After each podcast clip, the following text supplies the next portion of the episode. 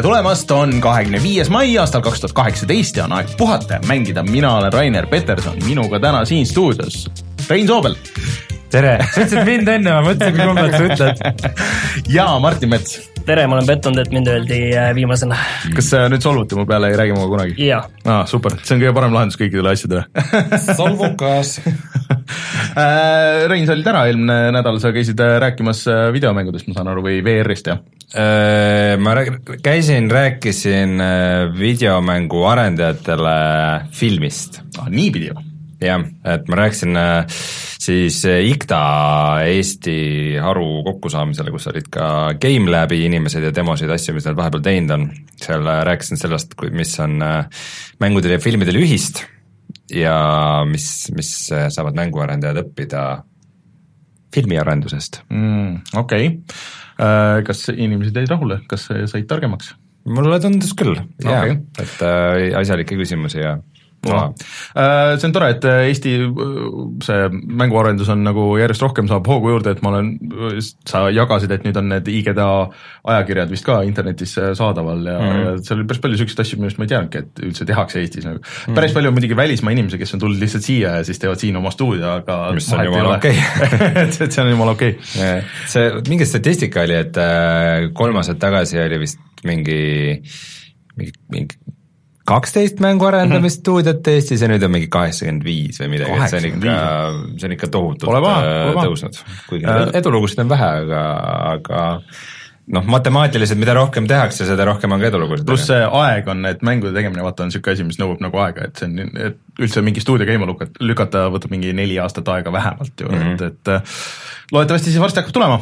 aga äh, enne, kui siis lähme edasi ja räägime sellest, et äh, mis kõik suured uudised on olnud sellel nädalal, mida me oleme läbi mänginud ja teinud kõik, siis äh, meid saab toetada Patreonis äh,, see, on siis patreon.com, kaldkriips puhata ja mangida, iga euro, mis te jätate, meil on selle üle väga hea meel ja eraldi seal, muidugi tänaks kõiki, aga eraldi tänaks veel David, Kaidot, Peetrit, Unist, Unetut ja Henrikut, äh, kes on valinud niisuguse leveli, et äh, ma ütlen nende nimed maha äh, ja siis jah, patreon.com, kaldkriips puhata ja mangida. lisaks oleme olemas muidugi SoundCloudis, siis Youtube'is ja igal pool ja kes meid ikka veel kuulab raadio1.ee-s, siis kolige sinna mm, SoundCloudi ümber, sest et jah, kohe kui saame, siis see feed võib-olla kaob sealt ära Raadio ühest. et selline lugu. aga Youtube'i ma juba korra mainisin, et äh, mis meil siis äh, toimub seal, eelmine nädal läks äh, videolabost, kuidas me Martiniga ehitasime papist asju ja mängisime. Seekord, mis läheb. Kuidas ehitatakse mitte popist asju, ma saan aru, et Martin on jõudnud läbi teha Detroit Become Humani ja siis, kui kõik hästi läheb, siis meil on ka juba video olemas sellest ja ülevaateliselt peaks nagu siis, kui te kuulate audiosaadet, siis kahekümne viiendal nüüd välja tulema ja Martin, ütle siia algusesse, et mis su muljed on siis? pärast räägime pikemalt. muljed on sellised, et äh, see on tõenäoliselt parim David Cage'i mäng, aga hoolimata sellest tõenäoliselt see paljudele ikkagi ei meeldi ja, ja sealt on lihtne leida vigu, kui tahta aga mulle jättis nagu üldmuljena pigem nagu positiivse mm, -hmm. et või pigem nagu väga hea ta on seal nagu väga hea, kohati on ta nagu väga hea, kohati on nagu äh, hea, mõned asjad on sellised, mis mulle nagu tunduvad, et miks nad nii tegid, et nad oleks võinud lihtsalt neid asju nagu vältida, aga noh, kokkuvõttes, kas, kui oleks nagu pöial püsti või pöial alla, siis on mhm. kindlasti ikkagi pigem pöial püsti. Äh, ja kindlasti minge vaadake lihtsalt seda videot sellepärast, et äh, näha seda visuaali, et äh, kuigi me mängime tavalise PlayStation nelja peal, siis see näeb tegelikult väga uhke välja, et äh, Digital Foundry tegi muidugi põhjalikuma analüüsi ka ja et, et see on ikka noh, kui puhttehnilisel tasemel rääkida, siis koos God of War'iga see on ikka päris kõva leveli tõus siin selle aasta juures mm.. et rääkides God of War'ist, kumbki pole läbi teinud seda? seda või? ei. Me tegeleme sellega. me tegeleme lugu see on? ametli, ametlikult tegelen sellega. kes ei näe, siis ma peidan oma nägu. Aga ühesõnaga, minge vaadake siis äh, Detroit Become Humani videot äh, meie Youtube'is, Youtube.com, kaldkriips puhata ja mangida. Ja minge vaadake labo videot ka, kuidas suured täiskasvanud mehed mängivad papiga konstruktoriga, see on mm, -hmm. see on see on konstruktor, see annab nagu, see on nagu õigustus mm. -hmm. meie, meie rohkem kui kuue aasta ajaloo jooksul esimene video konstruktorist. jaa, on, ei no edaspidi sukeld-, sukeldumegi sinna, hakkame järjest nagu võtma neid konstruktoreid ja paneme kokku ja reitinguid ja unboxing nagu ja siis boxing. muidu mul lapsel on päris palju muid mänguasju ka kodus võime teha, need on jumala popu-, need on kõige populaarsemad kanalid, et eesti keeles mänguasjade arvustust ja kanal teha, ma arvan, et see ei ole üldse halb plaan tegelikult. aga räägime nüüd asjadest, mis on tõesti olulised. nagu ainuke asi, mis maailmas on oluline praegu, ehk Battle äh, Royale. jah, põhimõtteliselt, ehk siis äh, käi kiirelt läbi, et äh, uudiste pealkirjad, millest me täna räägime Call of Duty Battle Royale'ist räägime Battlefield viie kohta, nüüd teame ka nii mõndagi, mitte küll selle Battle Royale'ist, Battle Royale Field ah,, okei okay.. Battle Royale Field äh,. jah äh,, H1Z1 saab mängida beetat PlayStation nelja peal äh, ja siis me oleme veel proovinud igasuguseid mängu nagu, mänge nagu näiteks äh, Onrush, State of Decay kaks, Beat Saber, Pavlov ja loomulikult Detroit Become Human sest keegi on kirjutanud siia Detroit nõrga B-ga no igas, igas mängu nimes peab olema B ehk siis Bait, Bait of Decay. ühesõnaga eh, tuleme kohe tagasi ja siis räägimegi uudistest.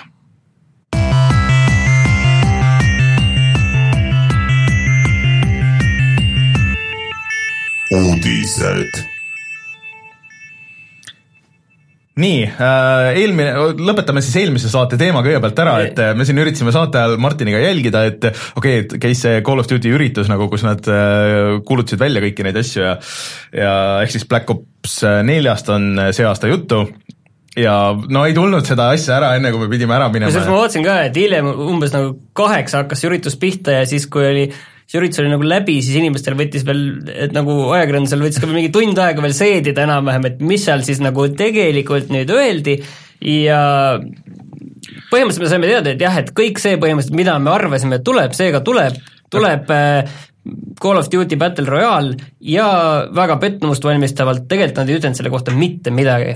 Nad ütlesid ainult seda, et seal on mingi arv mängijaid, mis ei ole sada, mis on vist vähem, aga nad Nad ei kinnitanud, et ei ole sada. ta ütles, et see on Äh, Nad ütlesid, et see ei ole sada, et on alla saja, aga et äh, kordades rohkem kui Call of Duty's on vahepeal olnud. nagu varem on, palju Call of Duty's varem on olnud, kolmkümmend ma arvan, et kolmkümmend kaks. kolmkümmend kaks äkki. arvuti peal äkki. aga võib-olla, võib-olla üks koma viis korda rohkem no pigem on nagu jah, et äh, ja siis öeldi, et noh, Nuketown on kõige popim Call of Duty kaart, et sellest on see maailm tuhat viissada korda suurem ja siis näidati seda maailma, seal oli mingi suur ja mis noh, tähendab, näidati maailma, see on nagu vale öelda, seal näidati seda maailma maailma põhimõtteliselt sellist äh, Ske-, digitaalset äh, skeemi jah mm, -hmm. pigem, ja see nagu ei öelnud tegelikult väga mitte midagi. no keegi võttis muidugi selle info puhul, arvutas välja täpselt väga matemaatiliselt, ma vaatasin terve selle Youtube'i video ära, et kui suur siis on tuhat viissada korda Nuketown, on ju. ehk siis äh, nad arvutasid välja, et natuke alla viie kilomeetri, mis on natuke väiksem kui Fortnite'i kaart, mis mõnes mõttes nagu arvestades Call of Duty mängustiili ja et noh, nad tahavad, et see olekski kiire ja seal ei ole võib-olla nii palju mängijaid ja siis tegelikult nagu tegelikult no, vaata, sa ütlesid, sa ütlesid nagu kiire siia, siis nii palju, kui mina olen aru saanud selle Call of Duty uue mitmikmängu kohta, siis see just on natuke nagu aeglasem, et rohkem taktikalisem ja miks sa seda arvad? Kõik need kilbid ja ega seda rohkem ma kommentaaridest lugesin välja, et need kilbid ja granaadid ja kogu see süsteem, et see on rohkem natukene, et tahavad minu, ma saan aru, et seda tempot maha võtta sellelt mitmikmängult, aga ma ei ole nüüd kindel, kas see nüüd on õige aga vastus. mina, mina sain aru, et seal on üldse, et see õige arusaam mul. et äh, seal on klassipõhine asi jääb ikka vist ka sellesse see on äh see on see, mis tegelikult eelmistes Black Opsides on ka mm. tulnud sisse, et äh, mis mind, mulle see üldse ei meeldi, sest sul on mingi teatud arv karaktereid, mingi mm -hmm. ütleme kaheksa nagu tegelaskuju mm -hmm. ja kui ühel on oma erivõime, mis nagu äh, kogub jõudu ja, ja siis äh, see tähendab, et äh, sa ei saa aru, kes on nagu omad ja kes on vaenlased, sest et see on kõik needsamad tegelased, sa pead ainult selle punase teksti järgi pea kohal aru saama mm., kas ta on vaenlane või mitte.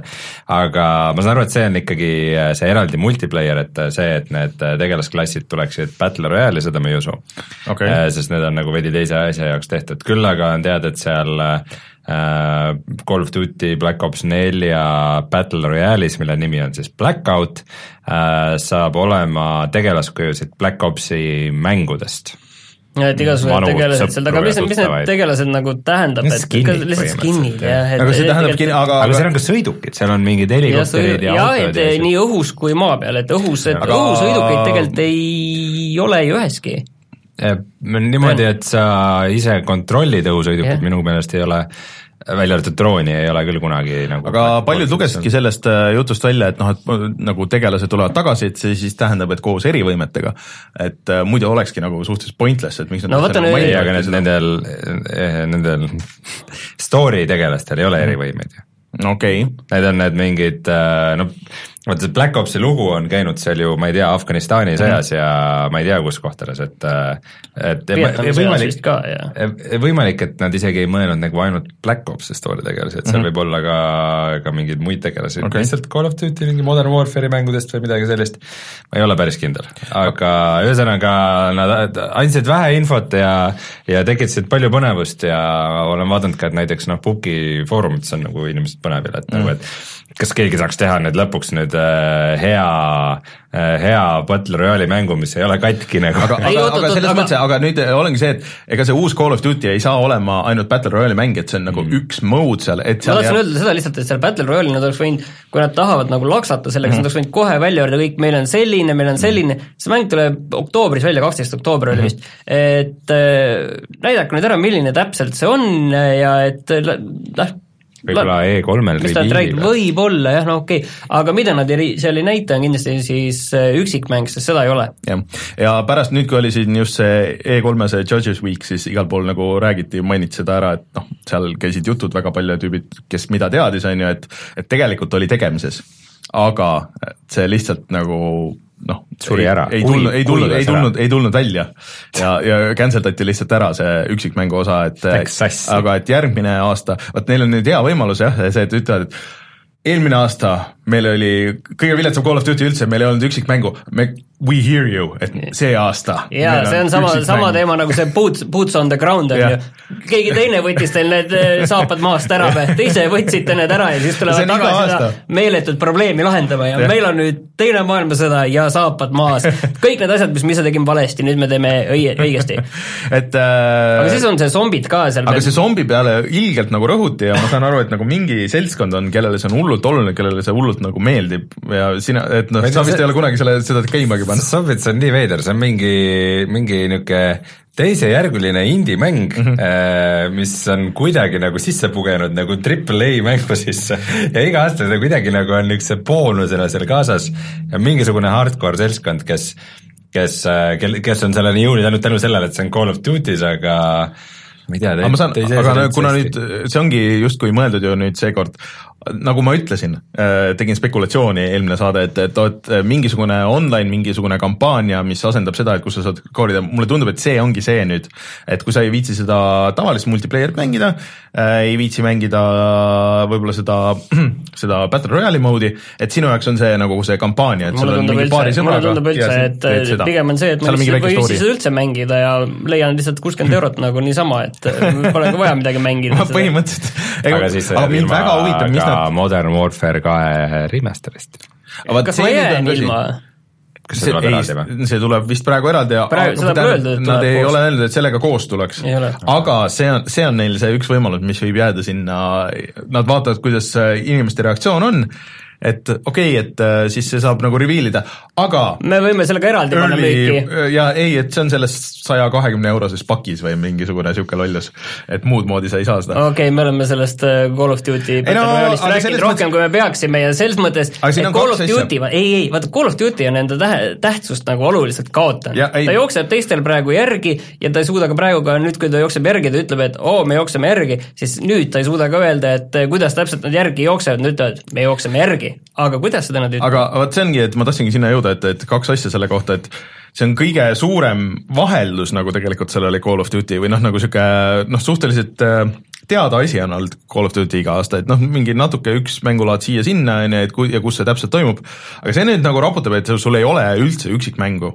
Et ja, ja et sul on mingisugune kuskilt mujalt võetud suur asi, mingi viimaste aastate asi, et noh, kaks asja, et nüüd ongi järeljooksik, on ju mind, alati ta on ise nagu seda innovatsiooni teinud ja näidanud ja võtnud, toonud neid RPG elemente ja mis iganes asju on ju, mida siis teised kopeerivad. meeletu produktsioon, motion capture ja ja mingi hull story, mida kõik nagu üritavad kopeerida, niisugune lineaarne värk, aga et äh, huvitav, kuidas see neil välja tuleb, et ma selles mõttes ootan seda huviga, kas ma selle alla kuuskümmend eurot tahaks panna, ei tea. tüüpiline, tüüpiline jutt hakkab pärast seda tõenäoliselt olema, et nojah, see on selline kolmekümne euro mäng, et teised küsivad sellest kolmkümmend aga euri. ja siis veel, et kas sa saad minna praegu Steam'i ja seda eeltellida? Ei saa. ei saa, sest et see saab tulema ainult sellesse Blizzardi launcher'isse, nii et äh, Battle.net'i või? mm -hmm, et äh, see Steam, kui sul on need ei, sõbrad, on ju, olema. kui sul on mingid sõbrad kuskil üle maailma kuskil, kellega sa oled nagu koos seda Modern Warfare'i või Black Ops'i omal ajal äh, mänginud, siis äh, palju õnne, et otsige need nad Battle.netist üles.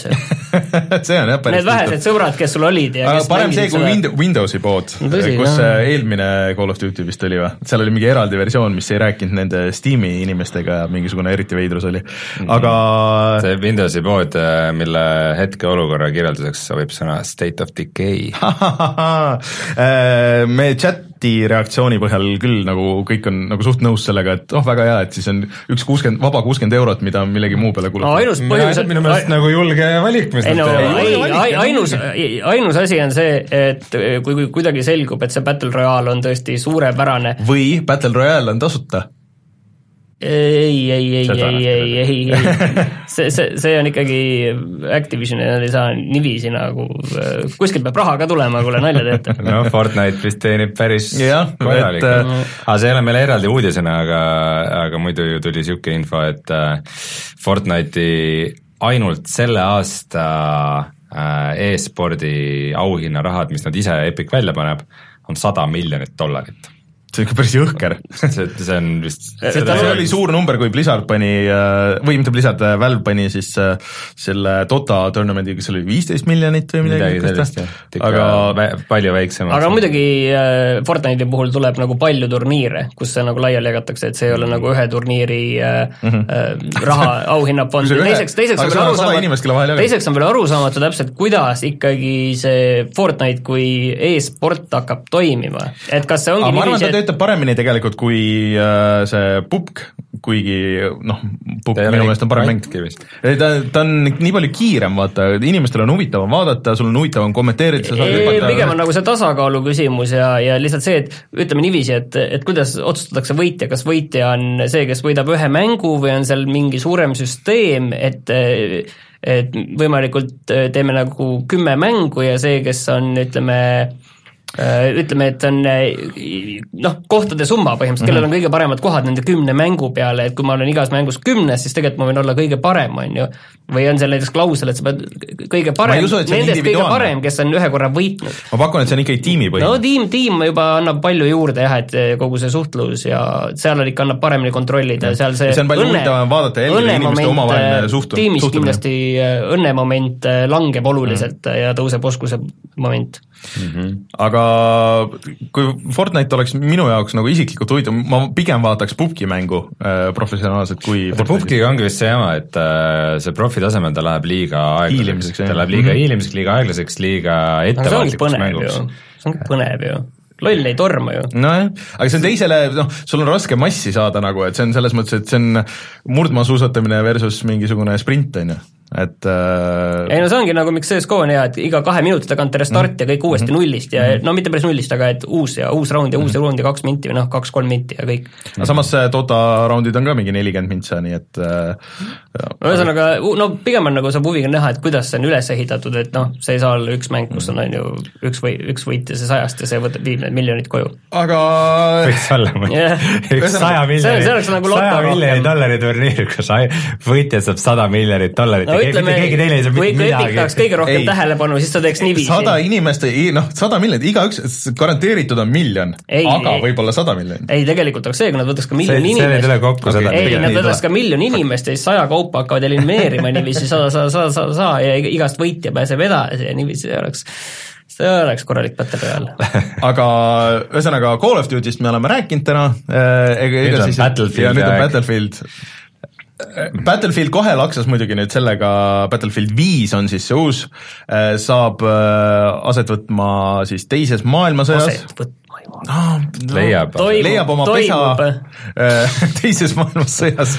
kuigi kui sa, kui kõik, mis sa sellest mängust tead, on see, et sa vaatad treilerit mm, -hmm. see, keegi ei süüdista sind, kui sa ei saa aru, et see et see on teine maailmasõda, sest et äh, see näeb välja nagu mingi värviline lõbus äh, steampunk alternatiivreaalsus äh,, mingisugune sihuke läbu kas see on nagu peaaegu nagu postapokalüptiline võib-olla isegi. kui graafika ei oleks päris selline realistlikum, siis ta oleks põhimõtteliselt nagu Fortnite, mis toimub teise maailmasõja ajal, jah. enam-vähem jah et äh, inimesed kõigil on nagu nii mees- kui naissõdurid segamini, keegi ei kanna mundrit, kõigil on mingid, mingid oma lõbusad riided, sinise värviga pea täis plätserdatud okei, ühesõnaga pole vahet, mis hetkel see toimub, jaa, ma saan aru. aga, aga selle kõige, see, see on noh, mis sa kirjeldad, minge vaadake treilerit, see täpselt nii ongi seal, aga ma saan aru, et mingi osa interneti on nagu täiesti marru ajanud see, et, et naisterahvas on ja naisterahvas on kaane pildi peal ka veel. Ja siis, et kuskil oli väga hea tweet, et et kui inimesed nagu sellest on šokis, et see on ju nii ebarealistlik, et naissõdurid, siis oodake, kuni nad aru saavad, et seal on respawn mängus, et saad surma ja siis sa võid uuesti tagasi kas sa loed mingeid neonatside foorumeid või miks sa alati tood välja mingisugused, aga mingi inimene oli selle peale ma kuri, ei et mul see, mul, mul jooksevad need feed'id, aga, aga mulle, mulle ei meeldi see, et sa lennukist näed, et maa on ümmargune, et seal on no sionistide need, valed. need mehed mul on ka veidi kompa- okei, see sellest, räägi, see Aga- selleks. aga seal on üksikmäng olemas, on ju? ja seal on Ma ei ole kindel. ei, seal on üksikmäng, seal on üksikmäng ja kampaania äh, ja see on, pigem meenutab äh, kampaania stiil siis mitte neid viimaseid äh, neid äh, Battlefield'e, vaid pigem seda Battlefield Bad Company't ja et äh, nagu Bad Company kaks, et äh, sul on tiim äh,, sa saad valida kogu oma tiimi, oma see on mängija nagu koostöö või on see nagu sa vist, see, vist saad mängida co-op'is või siis üksinda. Aa, et üksinda saad teisi juhendada siis. ja juhendada teisi ja siis sul on hästi Aa, palju nagu põhimõtteliselt see Wildlands siis, Ghost Recon Wildlands. ja siis sul on hästi palju destruction'it, et äh, seal äh, treileris oli ka, et kuidas umbes mingi majast sõideti, et natuke aega sõidid majas ja siis tangiga sõidetakse majast läbi, mis ei pruugi olla skriptitud, vaata, et, et noh, selles mõttes, et äh, sa võid maja õhku lasta, võid ka mitte õhku lasta. et äh, mõnes mõttes see tundub huvitav, aga see ongi nagu na-, natuke nagu selle Battlefield, selle eelmise Battlefield One'i probleem oli see, et äh, Äh, noh, see kampaania oli nagu päris äge, aga samas ta lõppkokkuvõttes oli niisugune lühike ja see kogu idee sellel oli lihtsalt see, et see oli lihtsalt tutorial sulle multiplayer'iks ja that's it. aga seda Bad Company kahte ma tean, et äh, väga paljud siiamaani peavad väga hinnas, et see oli kõige parema üksikmängu osaga või noh, nagu koostöö osaga sulle ei meeldinud või? ma üritasin seda mängida ja minu meelest see oli ikka surmigav, ma olin väga üllatunud, kui ma lugesin, et inimestele internetis pigem meeldis mm. -hmm. aga see, aga see ongi, et Tanaki oli väga hea go-op eriti oma ajal, et äh, see oli, ma tean, üldse. ja, ja, ja see oli Xbox'i see kolmesaja kuuekümne kompanii nimi vist üldse Bad Company Jah. nagu tuligi. et äh, Xboxil ta oli, ma tean, et Jan ja Sulev siin mängisid isegi veel mm. siis, kui Xbox One oli veel väljas seda, seda kolmesaja kuuekümne nii et Battlefield viie üksikmängu kampaaniat saab siis mängida kuni neljakesi koos ka. no nii ma sain aru jah, et äh, et see kõlab nagu kõik väga hästi, et on jälle nagu ka omamoodi teistmoodi, aga kas nüüd siia tuleb juurde see Battle Royale või mitte, et seda ei tea, et äh, Frostbite justkui peaks lubama, et kui need kuuekümne nelja inimese võitlused nagu tegelikult on ja need kaardid on päris suured olnud, muidugi mitte üldse nii suured kui noh, need äh, et Call of Duty puhul vaadake kõik need kuulujutud nagu vastasid mm -hmm. tõele, et kõik, et mis tuleb, üksikmängu ei ole, Battle Royale tuleb, siis Battlefield viie kohta oli ka see kuulujutt, et nad testivad seda mm, -hmm. Et seal nagu ei ole kunagi tulnud veel kuulujuttu, et see on nagu kindel ja seda pole ka kinnitatud, on ju, aga lihtsalt, et see on võib-olla idee on olnud, aga nad on proovinud ja siis eks nad on vaadanud, mis nagu välja tuleb, on ju. aga siis muidugi oli ka see nali, et noh, EA on siin kõvasti pähe saanud igasuguste lootbox'ide ja asjade eest, et Battlefront kahes siis peamiselt. jah, et äh, siin nagu sellises formaadis pole, et sul on ikkagi season pass, aga seal on nõks, et sul ei ole mitte season pass, et sa maksad siis juurde tavaliselt see on mingi kolmkümmend euri, nelikümmend euri, et siis sa saad kõik selle lisa. et sul on ikkagi nagu see jagatud omakorda mingiteks nagu chapter iteks, et sul tuleb sinnamaani season pass on üks raha, siis on teine, siis on kolmas, et see on mingi ka, et internet on veits närvis jälle. no lihtsalt samm tagasi on vist nagu võetud ja samm tagasi ja üks samm kõrvale, Et et see- ma vaata sain, just aru, vaata, et- mis nii saab. ma sain just teistmoodi aru, et nad kuulutasid välja, et äh, need expansion'id saavad olema tasuta. nojah, see, aga seal on ikkagi äh, season pass äh, toob neid mingeid muid asju, et äh, see ei ole päris see. ühesõnaga, mis täpselt tähendab, ma ei saanud nagu nii, ma juba väga hästi saan aru, mis see täpselt tähendas, see täpselt tähendas ka seda, et EA tahtis natukene segadust teha ka selle asjaga, et Keegi saab... kuidas see täpselt nüüd on, et seda noh, me ei ütle välja, et meil on siin kõik mikromakseid ja neid äh, hooajapileteid täis, aga noh, meil siin midagi on, et ärge muretsege mm et äh, aga, aga nad kindlasti jah lubasid, et siis mäng, mängu ka... ei, äh, mängust sulle eeliseid ei anna. see tuleb ka siis oktoobris välja, jah mm. -hmm ma ja, küsin no, lihtsalt, eks ma ei tea, ma just ei pannud tähele. tulevad nagu alati samal ajal. mingi nädalane vahe või oota, mis, mis see Battlefield muidu see samm on vist kolm aastat, iga kolme aasta tagant tuleb uus või? kahe, kahe on praegu ikka. sest et eelmine aasta tuli Battlefront, üle-eelmine aasta tuli Battlefield One. Oli üle-eelmine aasta. ja siis enne seda oli Battlefront ja siis oli ja. Hardline äkki? jah. vist, okei okay., väga tore, aga ilmselt, ilmselt no, siiski ei huvita.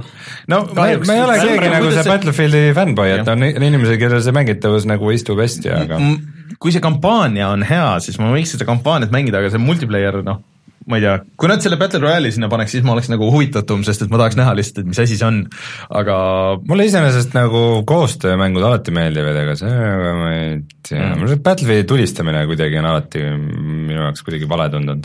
muidugi seal multiplayer'is on ka mingisugused asjad on nagu sarnased, et seal on ikka neli tegelasklassi, aga näiteks see, et äh, kõik saavad näiteks revive ida mm, -hmm. et varem sa ainult meediks sai teisi mm -hmm. ellu äratada, aga nüüd saab igaüks nagu pikali olevat äh, meeskonnakaaslast no sul peab ikka see meetpakk ikka olema kaasas või? ei, vist ei saa vist niisama ainult, aga mingi kuidagi inkrementeeritud elusüsteem, et nagu, et äh, noh, vana hea Halo süsteem mm, -hmm. et, et sa, et sa, et sul terve elu ei lähe iseenesest mm -hmm. täis, vaid ta läheb mingi maani või mingid siuksed asjad no,. Need on niisugused väiksed nagu muudatused väikse, väikse muudatuse on nad kindlasti teinud. aga sa-, sama vist on ju kusjuures äh, Call of Duty's päris suur asi, et äh, et sul on nagu need medkit'id, vaata, et äh, vanasti aga see oli ka eelmine kord ka, see oli VV2 ka, jaa okay., seda me vaatasime eelmine kord ka, et on mm nii, aga võtame nüüd need äh, väiksed kiired uudised ära, et äh, Nintendo Switch äh, Jaapanis tuleb müügile nüüd ka ilma dokita, et lihtsalt see tahvel ja kõik ja mul on tunne, et siin nagu tuleb välja, et mis seade see tegelikult ikkagi ei no see on, see on, tegelikult see on väga hea move, et nad lasevad odavama hinnaga selle ka,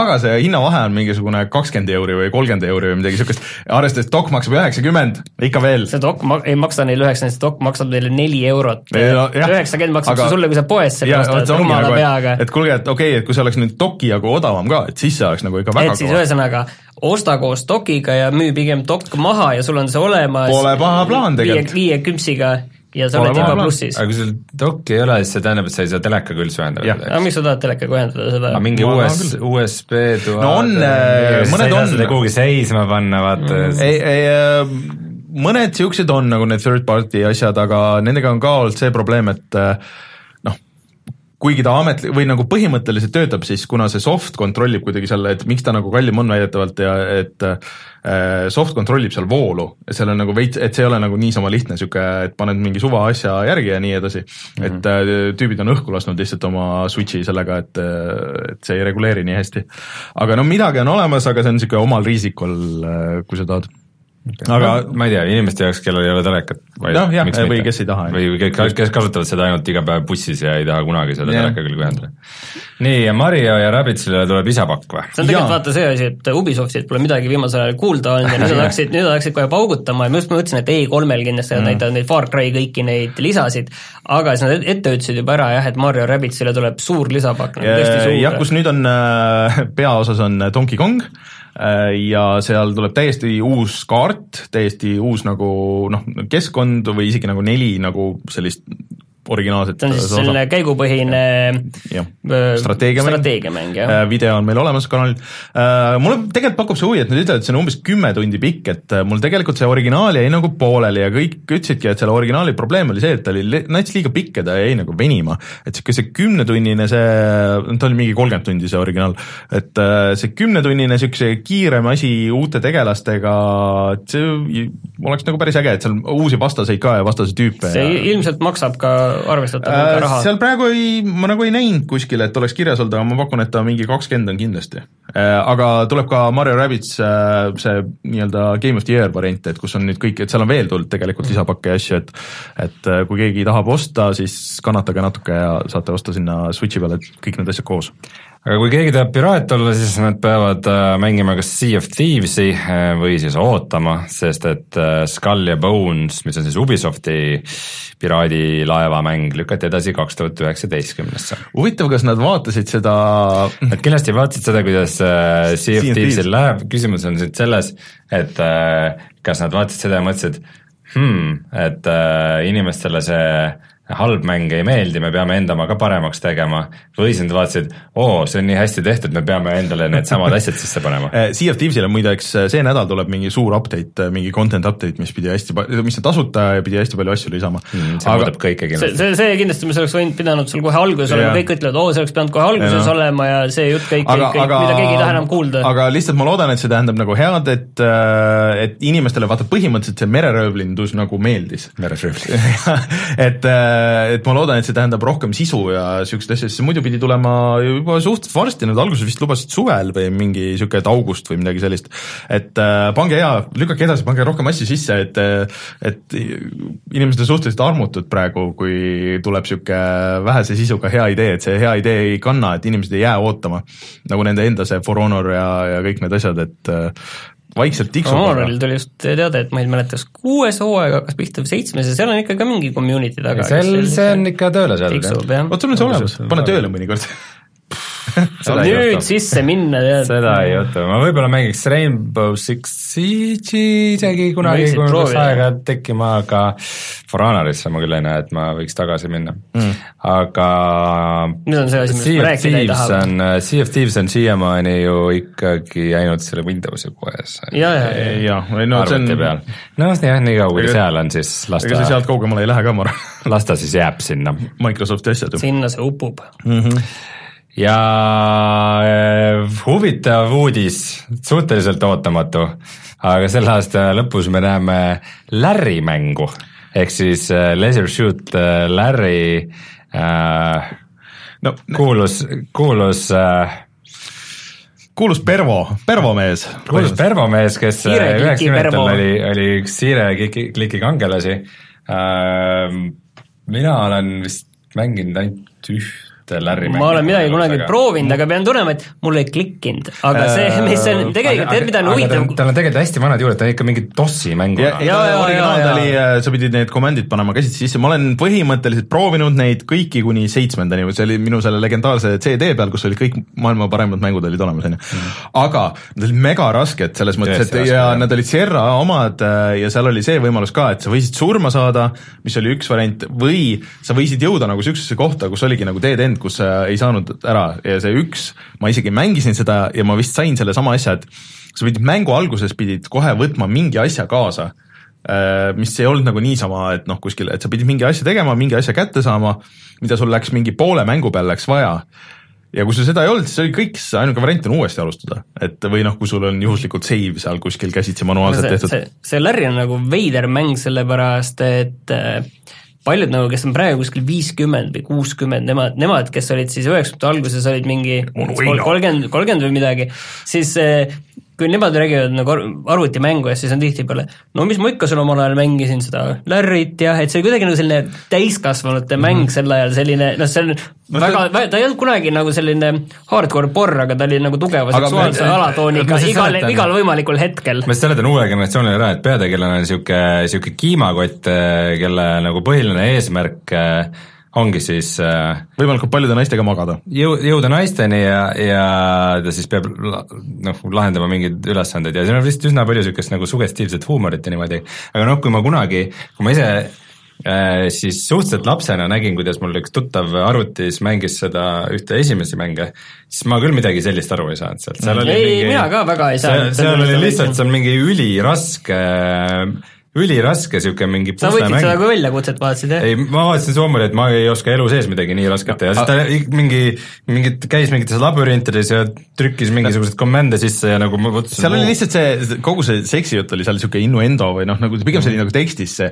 aga mis mulle tundub, et need viimased, vaata seda on ju, see mingi Magna Cum Laude, mis oli 3D-s mingi stuudio tegi, kus oli noor Larry ja siis oli veel mingisugune point and click ja siis see nagu natuke ka, kohe kui ma vaatan siin ekraani peal, esiteks selle nimi on Wet Dreams Don't Try, Cry. mis on mingi äh,, mis on sõnamäng mingile teisele vähetuntud seeriale, mis oli mingi uh, Dead Dreams Don't Die või mingi siuke Äh, see oli see D4, see, selle Jaa. Suda kuuekümne nelja see mäng Jaa. või vi- viiekümne, ühesõnaga äh, ja siis kohe siin on esiekraanil on purskav peenis nagu veits ja siis, ja siis see üldse nagu tänapäeval nagu kas selline asi teeb, oota kliki korraks peale, näita, kes see teeb seda nagu. see on, ma arvan, sellisel Me Too Crazy Bunch ma arvan, et on Me teinud. Too ajastul on see suurepärane mäng, et ma arvan, kakskümmend viis eurot nad küsivad selle eest praegu ette. ta on praegu allahinnatud kusjuures mm., nii et äh, rabage kuni saate, see, see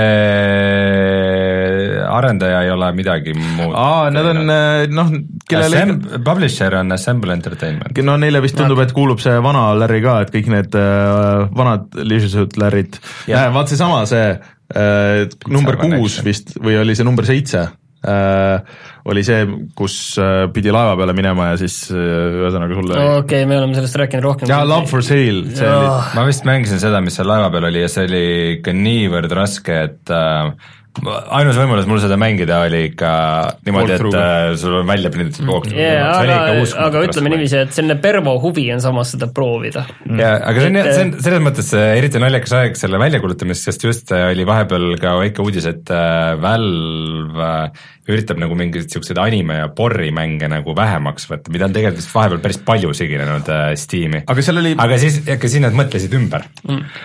et, et kõik need äh, niisugused äh, veits pornograafilise sisuga animemängud äh, said nagu mingisuguse hoiatuse ja siis äh, et nad peavad selleks kuupäevaks äh, nagu tsenseerima oma sisu ja siis tuli, et et tegelikult pole vaja, et me ikka, me, me hindame ümber et võite sellega tegeleda, aga me praegu mõtleme, et mis meil see täpselt see ametlik no, seisukoht on. probleem se- seisnes vist selles, et äh, neil ei olnud nagu seda noh, nagu ikka pornoga on see probleem, on ju, et kust maalt on porno, et kust maalt on erootiline jaa, kust porno, maalt on pornokomisjon hakkab tööle No ja nagu Eestiski alati tuleb mingi jamp sealt välja, Jah. selles mõttes see on No. nii subjektiivne, ja no et Steam on selles mõttes nagu raskes olukorras, et see on nagu ülemaailmne teenus, et mm. -hmm. igas riigis on need äh, kõik need piirangud ja asjad on täiesti erinevad.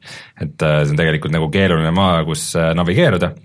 Aga ma ei tea, Larry, Larry mäng nagu aastal kaks tuhat kaheksateist tundub nii veider kontseptsioon, et Selle- väikse pervo huviga no nagu ma ka nagu tahaks nagu tegelikult vaadata, Et mis nad siis kokku keeravad ja ma kardan, et selle peale nad loodavadki, et nad keeravad mingi käki kokku ja siis, et aa, seal on neid palju Aga- pervosid, kes tahaks ikka uurida, millega on tegu. aga, aga, D4 aga oli vaata neid aga vaata neid äh, pilte, Martin, see on niisuguse ilusa joonistatud stiiliga klikikas, mis minu tundub meelest, see on seesama maja, mis esimeses mängus on. mis tundub nagu täiesti sinu stiil. ei, see tundub ja siin, ja vaata, siin ongi, vaata ta suhtleb mingite hipsteritega mm., mingid täistätoveeritud vuntsidega man-bun., man-bun'idega hipsterid, et võib-olla, võib-olla see nagu, kui see mängu üles ehitus olekski see, et et lavastavad ära, siuke vana mees, siuke üheksakümnendate äh, Onu Heino on toodud tänapäeva hipsteri ja üritab õllekasse nagu, ja- et ta üritab navigeerida selles maailmas, et ta ei sobigi sinna. kusjuures see oleks, vot see oleks tõesti, see, see oleks asi, mis töötaks, aga kui nad on, kui nad on nagu nii eneseteadlik või noh, nagu selles mõttes saavad sellest aru, et siis see võiks toimida, sest mulle see stiil tegelikult, ma klõpsisin ka need läbi, et tegelikult see on ilusti joonistatud, et äh,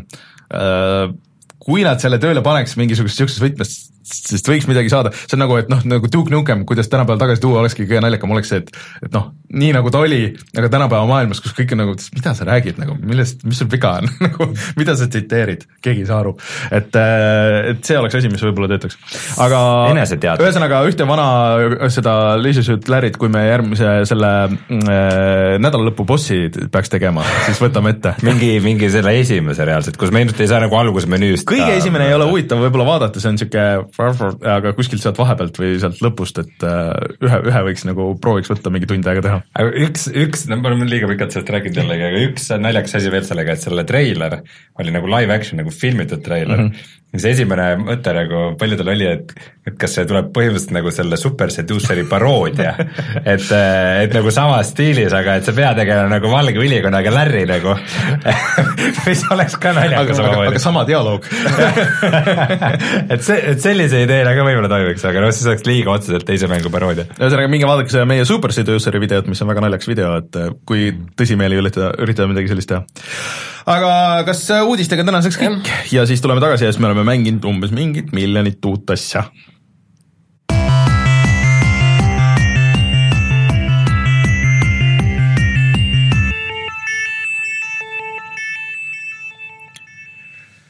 Millisest asjast, räägimegi sellest Detroitist, see on ikkagi kõige suurem väljalase ja, ja räägime sellest kõigepealt, et äh, Detroit siis- Become Human, PlayStation nelja eksklusiiv, ilmub kahekümne viiendal mail, meil on see läbi ja see on siis David Cage'i Quantic Dreami mängustuudio mäng, mil, mis on siis varem teinud sellised asjad nagu Heavy Rain, Fahrenheit, Beyond Two Souls, et need on sellised äh, filmimängud mm, -hmm. et kus on selline sina lihtsalt teed välksündmusi ja räägid juttu teistega ning äh, sealt tulevad siis valikud, kuidas lugu edasi läheb ja siis sina ise kujundad selle loo, mis äh,, kuidas see lõpuks lõpeb no, see, siis, nagu Deltali mängud jah, mõnes mõttes. pigem võiks öelda, et Deltali mängud muidugi on inspireeritud väga palju nendest jaa, et Fahrenheit oli ikkagi enne ja, ja aga ma mängisin ka seda demo, äh, me isegi rääkisime siin sellest äh, ja mind häiris üks asi, et kui sa tegid selle stseeni läbi, sa nägid seda puud, kõik need valik-, kõik need asjad, mida sa võisid leida, kõik need valikud, mida sa võisid teha, ja siis sa nägid, kuhu need nagu viisid, kui palju sul on tehtud, kui palju sul oli tegemata. Äh, ja ma lootsin, et seda nagu päris mängus äh, ei ole pärast igat seda stseeni või sa võid selle vähemalt nagu välja keerata, äh, kuidas siis on? Nad on sees, aga on lihtne vastus, et see mäng on jagatud siis erinevateks peatükkideks või sellised tseenid mm, -hmm. on ju, kus on äh, kolm erinevat peategelast on ja iga selle tegelasel on üks peatükk, tule, see peatükk lõpeb ära, see peatükk võib noh, toimuda nagu reaalselt nagu erinevates kohtades, kuskil ühes majas, kuskil teises kohas, aga lihtsalt üks loojupp mm. -hmm.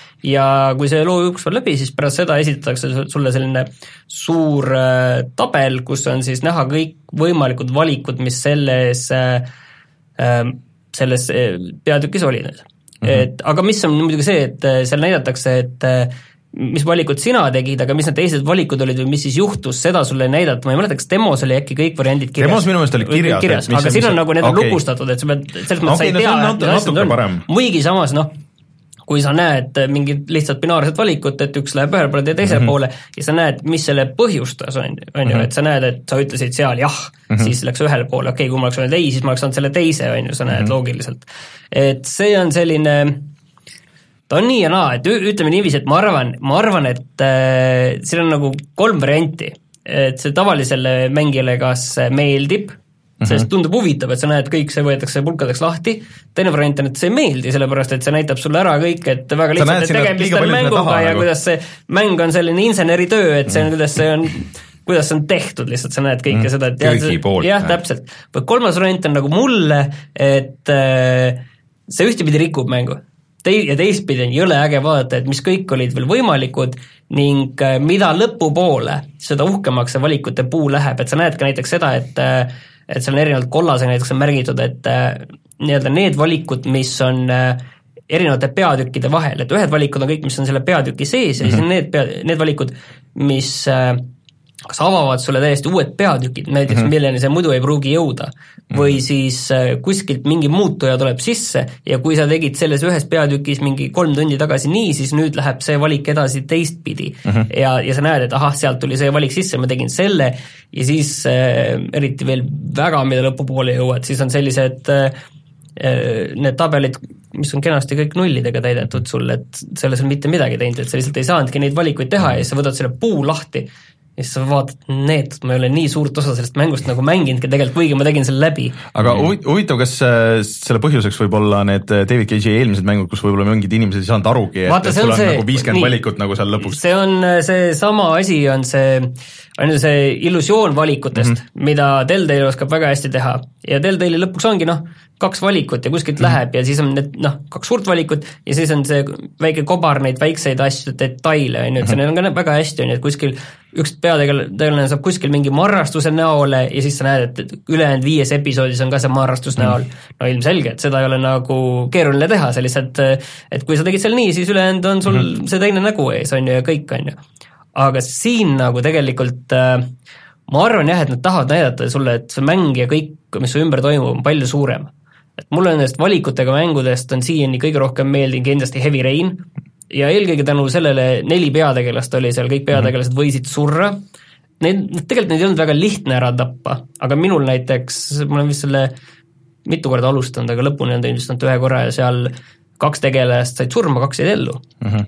ja see, nende tegelaste omavaheline dünaamika, et see kindlasti, see oli siis selline sarimõrvari tagaajamine, et seal, kuidas see dünaamika oli nende nelja tegelasega, see oli nagu väga äge ja seal noh, põhilisi jah, nagu lõppe oli ka kindlasti mingi kümmekond ja siis oli seal hästi palju selliseid väiksemaid lõpuvariante okay.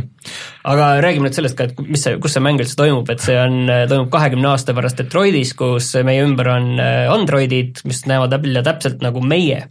ja nad on siis, teevad kõiki lihtsamaid töid ja äh, kasvatavad lapsi ja koristavad kodu ja tassivad äh, ehitustöödel raskeid asju ja kuskil on juba turvamehed ja nii edasi, et igal pool meie ümber ja siis ühel hetkel kuidagi nad hakkavad hakkavad aru saama, et, et nad Kas ei tahagi olla viirus? nad ei tahagi olla masinaid, see võib olla mm. viirus, võib olla mitte viirus, keegi ei tea, et mi- millest see on tingitud mm., sest need on täiesti erinevad äh, masinad, kes selle taga on mm. -hmm. või on erinevad liiki nagu androidid mm, -hmm. masinad, või nad elus või ei ole mm. -hmm. et see ongi, see on kõik okay. küsimus, aga äh, seal on kolm peategelast, et äh, kas kõik on Androidid?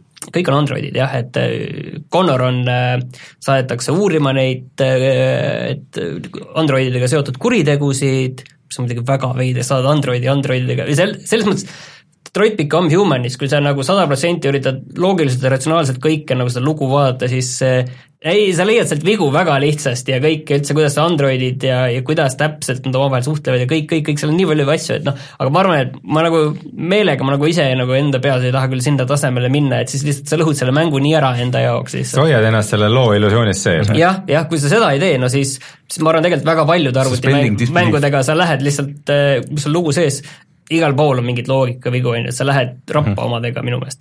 aga Connor, kes on siis, saadetakse uurima, muidugi ta teeb seda koos inimesega, politseileitnandiga, kes on selline äh, tüüpiline politseileitnant, põhja käinud, sarkastiline, alkohoolik äh,, suitsiidne ja nii edasi ja siis see on selline tüüpiline politseipartnerite lugu ja sinu otsustada on, et kuidas, kas te saate sõpradeks, leitnant vihkab muidugi veel androide kõigele lisaks, et siis, et kuidas teie omavaheline dünaamika on ja seal on kõik võimalused, on, on olemas, on ju. minul läks see liin täiesti, täiesti pekki igal juhul, ütleme nii, et et see politseileitnant ei talunud minu seltskonda enam. Kusjuures te- meenus, kus see tüüp mängis nüüd, kes see politseileitlane oli, niisuguses seriaalis nagu Earth Two, see oli kunagi. Starship Troopersis mängis ta ka. aa, jaa, muidugi, mängis küll, jah. ja siis on äh, kaksteist peategelast veel, kes on, siis on, üks on see Kara, kes on naisandroid, tüüpiline David Cage'i naispeategelane, kelle sarnane on nii Heavy Rainis kui Beyond Two Soulsis äh, ja tema on siis täpselt see, keda siis äh, mis oli see kuus aastat tagasi tehtud see tech demo, mis tehti mm -hmm. veel PS3 peal, see mm -hmm. Kara, et see näitab ka, et see mäng on mingi põhimõtteliselt seitse aastat või kuus-seitse aastat töös olnud, et, et jõhker töö ja kõik, sa vaatadki neid, ma vaatasin kõik läbi need E3-e kahe tuhande viieteistkümnenda, kuueteistkümnenda, seitsmeteistkümnenda aasta need äh, treilerid mm, -hmm. täpselt need asjad on põhimõtteliselt seal mängus sees mm. -hmm. et nad tegelikult olid juba kolm aastat tagasi nagu mingite osadega nii kaugel, et see on ikka tegelikult mänguarenduse koha pealt ikka väga jõhker, et sellist mängu ilmselt oli keeruline teha. no ma arvan, et see puht äh, tehniline viimistlus, et äh, vaadates, kui, kui see Eurogeimer selle pulkadeks võttis ja et, et mis tehnikaid kasutatakse ja kuidas see, kuidas see masinate jõudlust kasutatakse, et kuidas ta 4K-s jookseb ja see näeb ja üldjuhul nagu väga hea välja ja kolmas peategelane on siis Markus, kes on ühe ühe Lance Hendriksoni eest, tema teenija on Mm. ja, siis äh, põhimõtteliselt tema hakkab juhtima Lance Hendrickson mängib Lance Hendri- ja Hendricksoni. Androidide revolutsiooni ja sinu otsustada on, milline see Androidide revolutsioon Mm.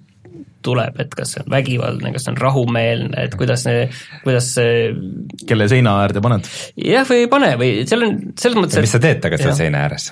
aga niisuguste mängudega mul nagu sageli tekib küsimus, et äh, kui sul on nagu palju valikuid, et kas vahel kipub jääma nagu see mulje, et äh, et mängul on tegelikult mingi nagu õige ja vale valik ja, ja siis noh, et mingeid otsuseid sa kahetsed lihtsalt, sest see on nagu mängu jaoks nagu vale valik, et kas, kas seal jääb niisugust ma tunnet või- kindlasti kogu lõpp minu jaoks äh, selles mõttes, et kolm peategelast, kui ma niiviisi nagu pulkadeks lahti võtan, siis äh, selle Kaara lõpp kindlasti oli äh, halb lõpp minu jaoks Mhm. Connori lõpp oli äh, nii, ja naa, kindlasti oleks saanud olla palju parem, seal läks ikka palju asju valesti. ta sai mul väga palju surma, tema õnneks on see, kes saab surmast, tuuakse uus mudel asemele.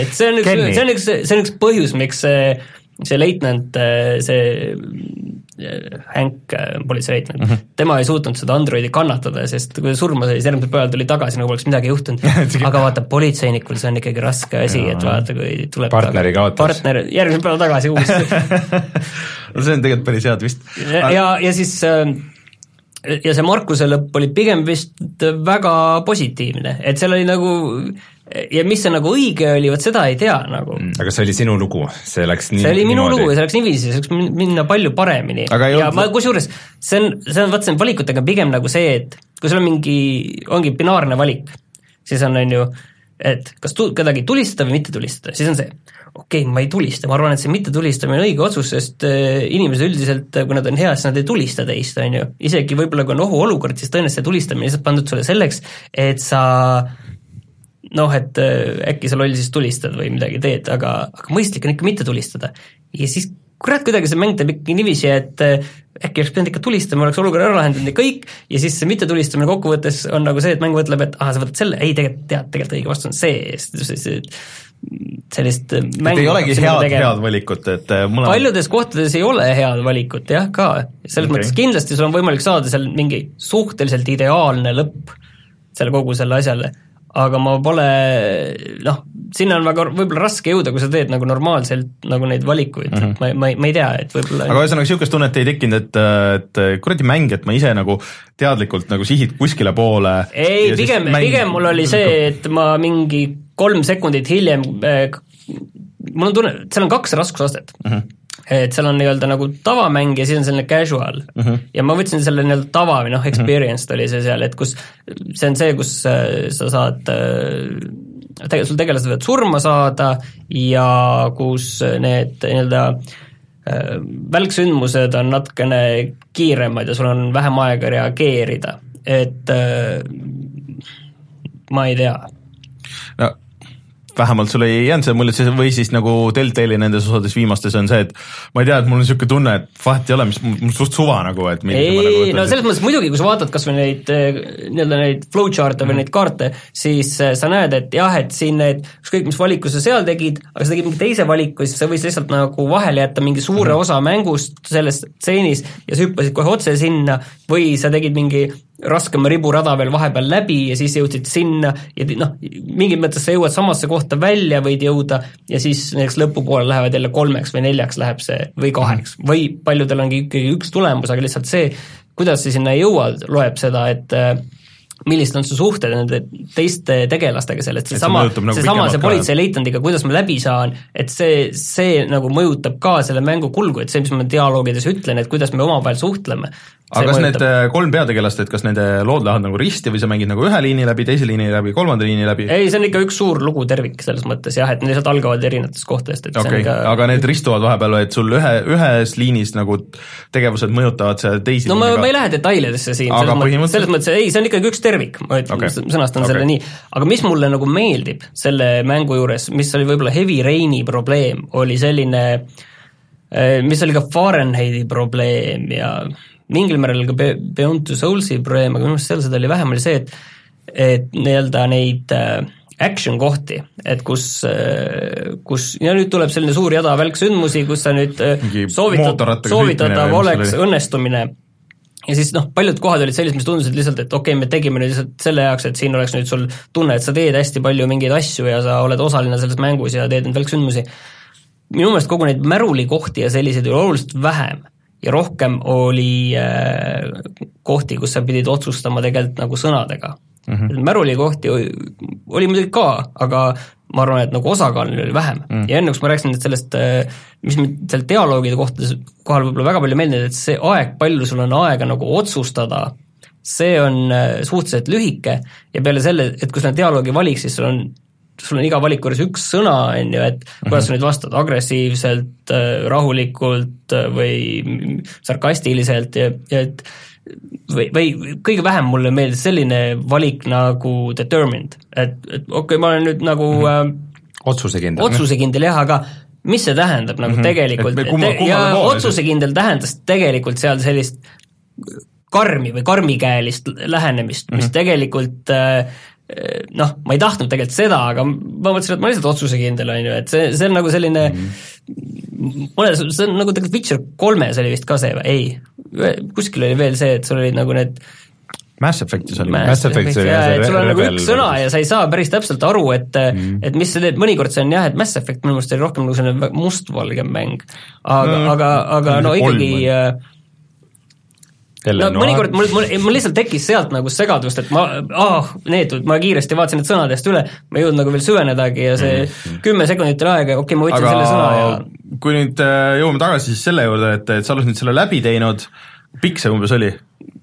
kümne ja viieteist tunni vahel okay., ma arvan, ja ma arvan, et võib-olla kindlasti nagu palju seal sisu on kokkuvõttes, ma arvan, et sisu on seal teist sama palju veel okay. umbes.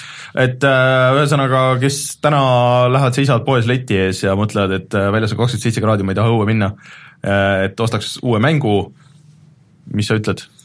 kui sul on varem need David Cage'i mängud meeldinud, siis kindlasti jah, ja ma arvan, et selle mängu äh, suurim, ma arvan, et see on parim David Cage'i mm -hmm. mäng ja ma arvan, et see suurim võlu on selles äh,, isegi selles äh, maailmas, et -hmm. milline, millise maailma, tulevikumaailma on äh, see Cage meile ette maalinud, et see, see, see on nagu väga äge, kus ongi bussid sõidavad, aga noh, Androidide jaoks on seal taga üks eraldi kamber selline, kus nemad püst-, nemad võivad püsti sealt seista ja selline segregatsioon ja ütleme, et mitte kõige peenem vihje. ei, ei, absoluutselt mitte, et ja siis äh, tänavatel on sellised äh, parkimisjaamad, et noh, ega Androidil ei ole niisama midagi teha, on ju, et neil on sellised parking station, sellised väiksed kohad, kus, kui nad midagi teha, siis nad võivad seal seista niiviisi, sellised parkimiskohad on neil nagu, et ja noh, selliseid palju selliseid asju, on ju, et äh, muidu, kes tahab äh, ja ei ole mänginud vanemaid David Cage'i mänge, siis äh, Beyond Two Souls on praegu PlayStation plussis saad ette ära proovida. Ja sellel on äh, tegelikult demo ka, äh, mida saab mm. proovida, et ühe selle stsenaariumi selle ja ühe asja ma pean veel ütlema, et David Cage, et sama nagu ma ütlesin juba selle Kaara peategelase kohta, et tal on see väga enda see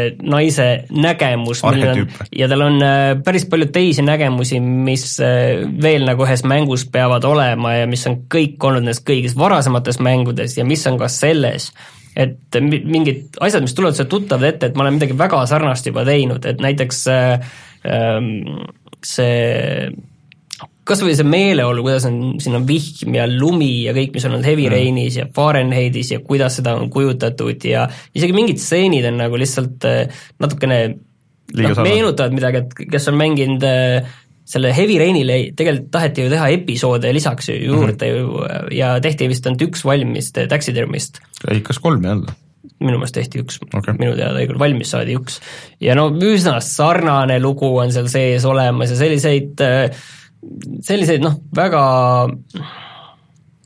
selline käekiri on nagu tuntav, et ma ei teagi, kas inimestele meeldib, et see käekiri on, aga mina pigem noh, ma ei tahaks näha, et oh, see on täpselt see, mitte, mitte täpselt, kunagi ei ole nagu täpselt sama, aga see on lihtsalt mingi selline sarnasused tulevad, et ahah, see on see Cage'i stiil nagu niiviisi, et ma ei, ma ei tea, et see kuidagi see mulle võib-olla isegi kõige vähem meeldib selle juures. aga võib-olla see ongi sellest, et sa oled mitut mänginud, et kui, kui see oleks esimene kui see oleks esimene mäng, mäng, siis äh, jah, siis oleks kõik super. siis, siis oleks kindlasti jah, ja tehniliselt minu meelest oli ikkagi üsnagi korras, seal oli üks moment, kus mul peategelane pidas nagu kõnet äh, Androididele, selle selline Androidide mass oli ees ja, ja siis äh, umbes kümme mudelit sajast või olid nagu tehtud ja ülejäänud olid sellised nukud lihtsalt, kellel polnud riideid ega juukseid ega nägu ega nahka ega midagi, et mulle tundus no,, et see ei pidanud, mulle tundus, et see ei pidanud nii olema. see võiks ka olla pre-release asi, sest et äh, noh, kui see nüüd välja tuleb, siis tuleb ka esimene patch ilmselt. ja, ja see on esimene mäng, kus tegelikult on ka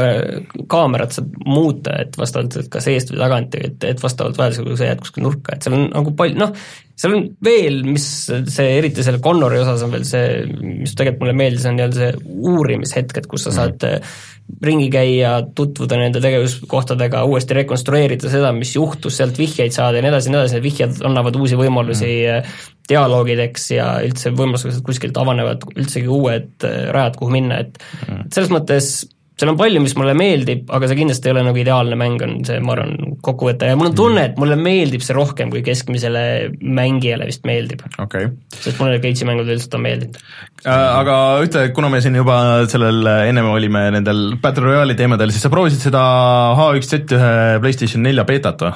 jah, ja, ja no. väga palju on räägitud, et äh, seal on äh, see ühendusega probleeme, et sinna ei saa Mhm. sisse ja, ja aga mul polnud midagi, ma täna tegin vist kümme mängu mm, Mhm. -hmm. et seal on raundid on, raundid on lühemad, et võrrelda seda Fortnite'iga, siis raundid on lühemad, seal nagu see esimene Veel lühemad. ja viis minutit umbes kogu üks mm -hmm. raund ja see on, kaart on kohe põhimõtteliselt juba sisse summitud sellesse esimesse ringi nii-öelda mm, -hmm. et kogu see päris esimene, et kaart on küll suur, aga tegelikult sa saad mängida ainult ütleme, peaaegu poole kaardi peal ainult mm -hmm. ja kui visatakse sind alla, siis sind visatakse äh, suvalises kohas, et sa ei saa ise valida, et mis hetkel sa alla hüppad, vaid sind visatakse kuskile suvalisse kohta selle kaardi peal ja enamasti mind visatakse kuskile selle ringi ääre peale.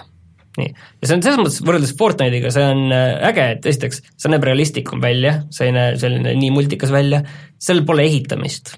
on, on lihtsalt tulistamine ja sa saad roomata ja sa saad pikali maas olla ja tulistamine on selgelt parem kui Fortnite'is. Ja see kontroll on ka väga lihtne, et põhimõtteliselt ühe nupuga käid, korjad asju üles, autoga sõidad ühe nupuga ja aga kuidas ta välja näeb? Aga nagu kui sa võrdled pubgiga, Pukist on just kehvem, aga, aga, aga, aga selles mõttes, et eh, mis mulle tegelikult ei meeldigi, on see, et need raundid on liiga kiired, seal põhimõtteliselt ainult jooksed ja liigud ja sul ei olegi nagu hetke hingata ja ja asja kaaluda ja pidevalt ma ei saanud aru, kuhu poole kaardil ma nüüd olen, mis, kuhu poole ma nüüd olen, et see tekitas ka segadust, ja ei, ma ei võitnud ühtegi mängu veel, kaks korda olin neljas, ühe korra viies. Ja aga ka sajased? Jah, sajased ja, ja välja ta näeb nagu noh, okei okay,, muru on maas, saad rohi sõnajalad, seal saad ringi roomata äh,, hooned sees on, et sein on põhimõtteliselt mingi üks kole hall tekstuur, et äh, hooned on eriti nõrgad, aga hooneid on väga palju selle eest mm. -hmm. et sellised noh, ka konkreetne mingi linnakene on seal ikka keskel. hea hüpe võib muidugi olla minna sealt Detroitist nagu sinna jah, see oli jah, aga tundub nagu minu meelest neile, kelle just see Fortnite tundub nagu selline liiga liiga lapsik. liiga, liiga lapsik ja see ehitamine tundub nõme, siis nendele mul on tunne, et see H1Z1 võib olla päris hea, meile, meil siin toimetuses, me Genesis ka proovisime seda ja, ja teised vaatasid ka ja kõik olid, unustage see Fortnite ära, nüüd me mängime ainult seda nüüd siit edasi, et oota aga pubgi ju Playstation nelja peal ei ole, nii et ei see ole, ongi nagu põhimõtteliselt ja see on tasu, see on tasuta siis ka, on ju, tuleb, ta tuleb tasuta, et ta on betas tasuta ja ta tuleb ka tasuta. et Okei. see on nagu kõlab nagu edulugu, et Kõlab- H1Z1 võib veel tõusta. ja seal öeldi ka, et üks koma viis miljonit mängijat juba oli betas olnud vist, et tohutult mm. palju tegelikult mm., et äh, ta võib tõusta, jah. äge aga ma räägin siis ka, ma proovisin uusi asju Äh, ma või tahad ise hüpata ma enne? tõmban, tõmban sealt ise otsa selle, et ma proovisin niisugust äh, asja esimest korda PlayerUnknown's Battlegroundsis nagu War Mode, et äh, sinna seleta täpselt lahti. See on mitmik- sinna mäng või?, sinna peaks Nagu- nagu... tulema vot kogu aeg nagu vahelduvaid mingeid uusi mm -hmm. mängulaade, et umbes ainult nädalavahetuseks. ja need on vist varem kogu aeg nagu pekki läinud ja nüüd nagu esimest korda töötas ja ja esimene oli siis selline, et ainult kõrbekaardil äh, ühes väikses kitsas ringis äh, olid viiesed tiimid Mhm. mm, -hmm. sa kukud, sul on juba äh, seljas level kolm varustus ja üks relv, mida sa muidu mängus saad ainult selle, sellest kreitist okei okay., ja, ja siis põhimõtteliselt äh, aja, mingi aja peale, et kes, missugune tiim saab kõige enne kakssada killi, et kui sa saad surma, siis sa respawn'id. okei okay. et sa varsti hüppad uuesti nagu lennukiga alla. H1Z1 kohta üks asi veel, mis tegelikult, et seal on see relvade valik öö, on niisama nagu kaardi peal väga üksluine, seal on väga lihtsad relvad, mis sa sealt leiad, et ongi mingi pumppüss, püstolid, mingi submachine gun ja kõik, aga et need airdrop'id, mis maha kukuvad, need on äh, minu meelest oluliselt tähtsamal kohal kui Fortnite'is mm. -hmm. et kui ma paaril korral nende juurde jõudsin, siis ma sain hoopis teise taseme relvad, hoopis teise taseme kuulivestid endale ja, ja siis ma sinna nelja hulka ka jõudsin, et sa pead nagu minu meelest nagu nende järele minema mm, -hmm. muidu sa saad suhteliselt äh, keskpärast või kehva luuti, aga need on nagu üsna võtmed, kui sa tahad jõuda sinna see lõppu on. ka päris huvitav lähenemine muidugi asjale, et sa tood inimesi niimoodi Pukis on äh, see kadunud viimasel ajal, et viimaste batch idega on äh, see mm, stash'id läinud nagu palju olulisemaks, et näiteks see level kolm kiivrit ei saagi enam niisama. Mm.. et selle sa saad ainult kastist, et nagu inimesi rohkem panna jooksma ja tegutsema. ja rohkem panna ennast ohuolukorda ja rohkem neid tulevahetusi sinna tekitada ja ma arvan, et see on hea otsus. Aga jah, see war mode, ma ei tea, ma ei viitsi sellest nagu väga pikalt rääkida, et nagu niisugused random mode'id, mis seal kogu aeg on, et selles mõttes, kas see on esimene, ma olen aasta aega neid puhki mänginud, see on esimene kord, kui ma sain nagu lihtsalt ringi joosta ja tulistada inimesi, ilma et ma peaks liiga palju muretsema, kui ma surma saan, see oli nagu väga vabastav tunne või nagu eh, kohe ma arvan, minu tulistamise kvaliteet sellega seoses veidikene paranes või või nagu harjutamiseks väga hea. harjutamiseks just, jah ja,. see on see, et see võiks olla ainult mul, et, et keegi teine ei saa harjutada seal, et ainult mina saan seal harjutada äh,. aga jah, muidu ma olen pubki päris palju mänginud viimasel ajal ja vahepeal ka mängisin siis mingis selles experimental serveris seda uut kaarti. seda, nüüd kolmandat kaarti, mis on siis Codename Savage või mis ta mm -hmm. nimi oli, et see on niisugune väiksem, kitsam, toimub džunglis mulle väga meeldis, sinna tekkis vahepeal seal mängu käigus mingi udu, mis äh, nagu tegi äh,, et ta alguses ei olnud, aga kuskil seal mängu lõpupoole -hmm. järsku oli, et nagu kaugmaarelvad muutusid mõttetumaks ja lihtsalt see, et see on uus kaart, uus keskkond, on jube äge, aga, aga see, et ta on nii kitsas, see tähendab, et sinu võimalused ellu jääda on ikka palju väiksemad alguses, et äh, et sa ikka suht kindlalt kohtad kohe kedagi ja et äh, selles mõttes oli, oli jälle raske, jah. tahaks seina ette ehitada endale mm, või torni. jah, jah, natuke, aga äge, ma ootan, et see tuleks päris mängu, et äh, üldiselt mulle meeldib, et äh, sest sõpradega me pigem mm. kipume rohkem mängima seda Erangelli kui, kui Miramarri, ehk siis metsakaarti, mitte kõrbekaarti. no aga räägi oma VR-i asjad ka siis kohe otsa no kõige olulisem kindlasti on äh, siis see mäng nimega Beat Saber, millest ma siin hästi natuke rääkisin millegi, kui ma LAN-i peol seda mängisin. aga nüüd see on mul olemas, mul on olemas ka Vive Pro mm, -hmm. ma ei ole küll Vive Pro peal Beat Saberit kordagi mänginud. sa said selle tööle äh, jaa, ma sain tööle oma Vive Pro, aga ma olen seda põhimõtteliselt kasutanud ainult Eesti VR kommuuni kokkutulekul, kui ma seda näitasin sest ta on mul kontoris ja ma tellin neid äh, kuramuse statiive, mille otsa majakat mm. panna ja kogu see setup on ikka nagu võrreldamatult keeruline kui Oculusega, kui Oculus on, et sa paned kaks sensorit kõmm laua peale ja kõik, siis, äh, siis Vive'iga nagu see no aga paned paika, siis on kui paika panna, siis on nagu okei okay aga EVR-il või siis VR-i kommuuni kokkusaamisel me ka testisime seda ala mm, -hmm. et kui kaugele neid statiive saab üksteist liigutada päris suureks läks see ala mm. -hmm. Just kusjuures äh, mõned entusiastid eelmine päev olid Tartus teinud katset, et nad panid nagu palju neid ähm, vanu majakaid nagu kokku, tavalise mm -hmm. HTC Vive'i omasid ja said siis lõpuks kokku nagu peaaegu kümme korda kümme meetrit ala nagu mm, -hmm. kus sa saad ringi liikuda.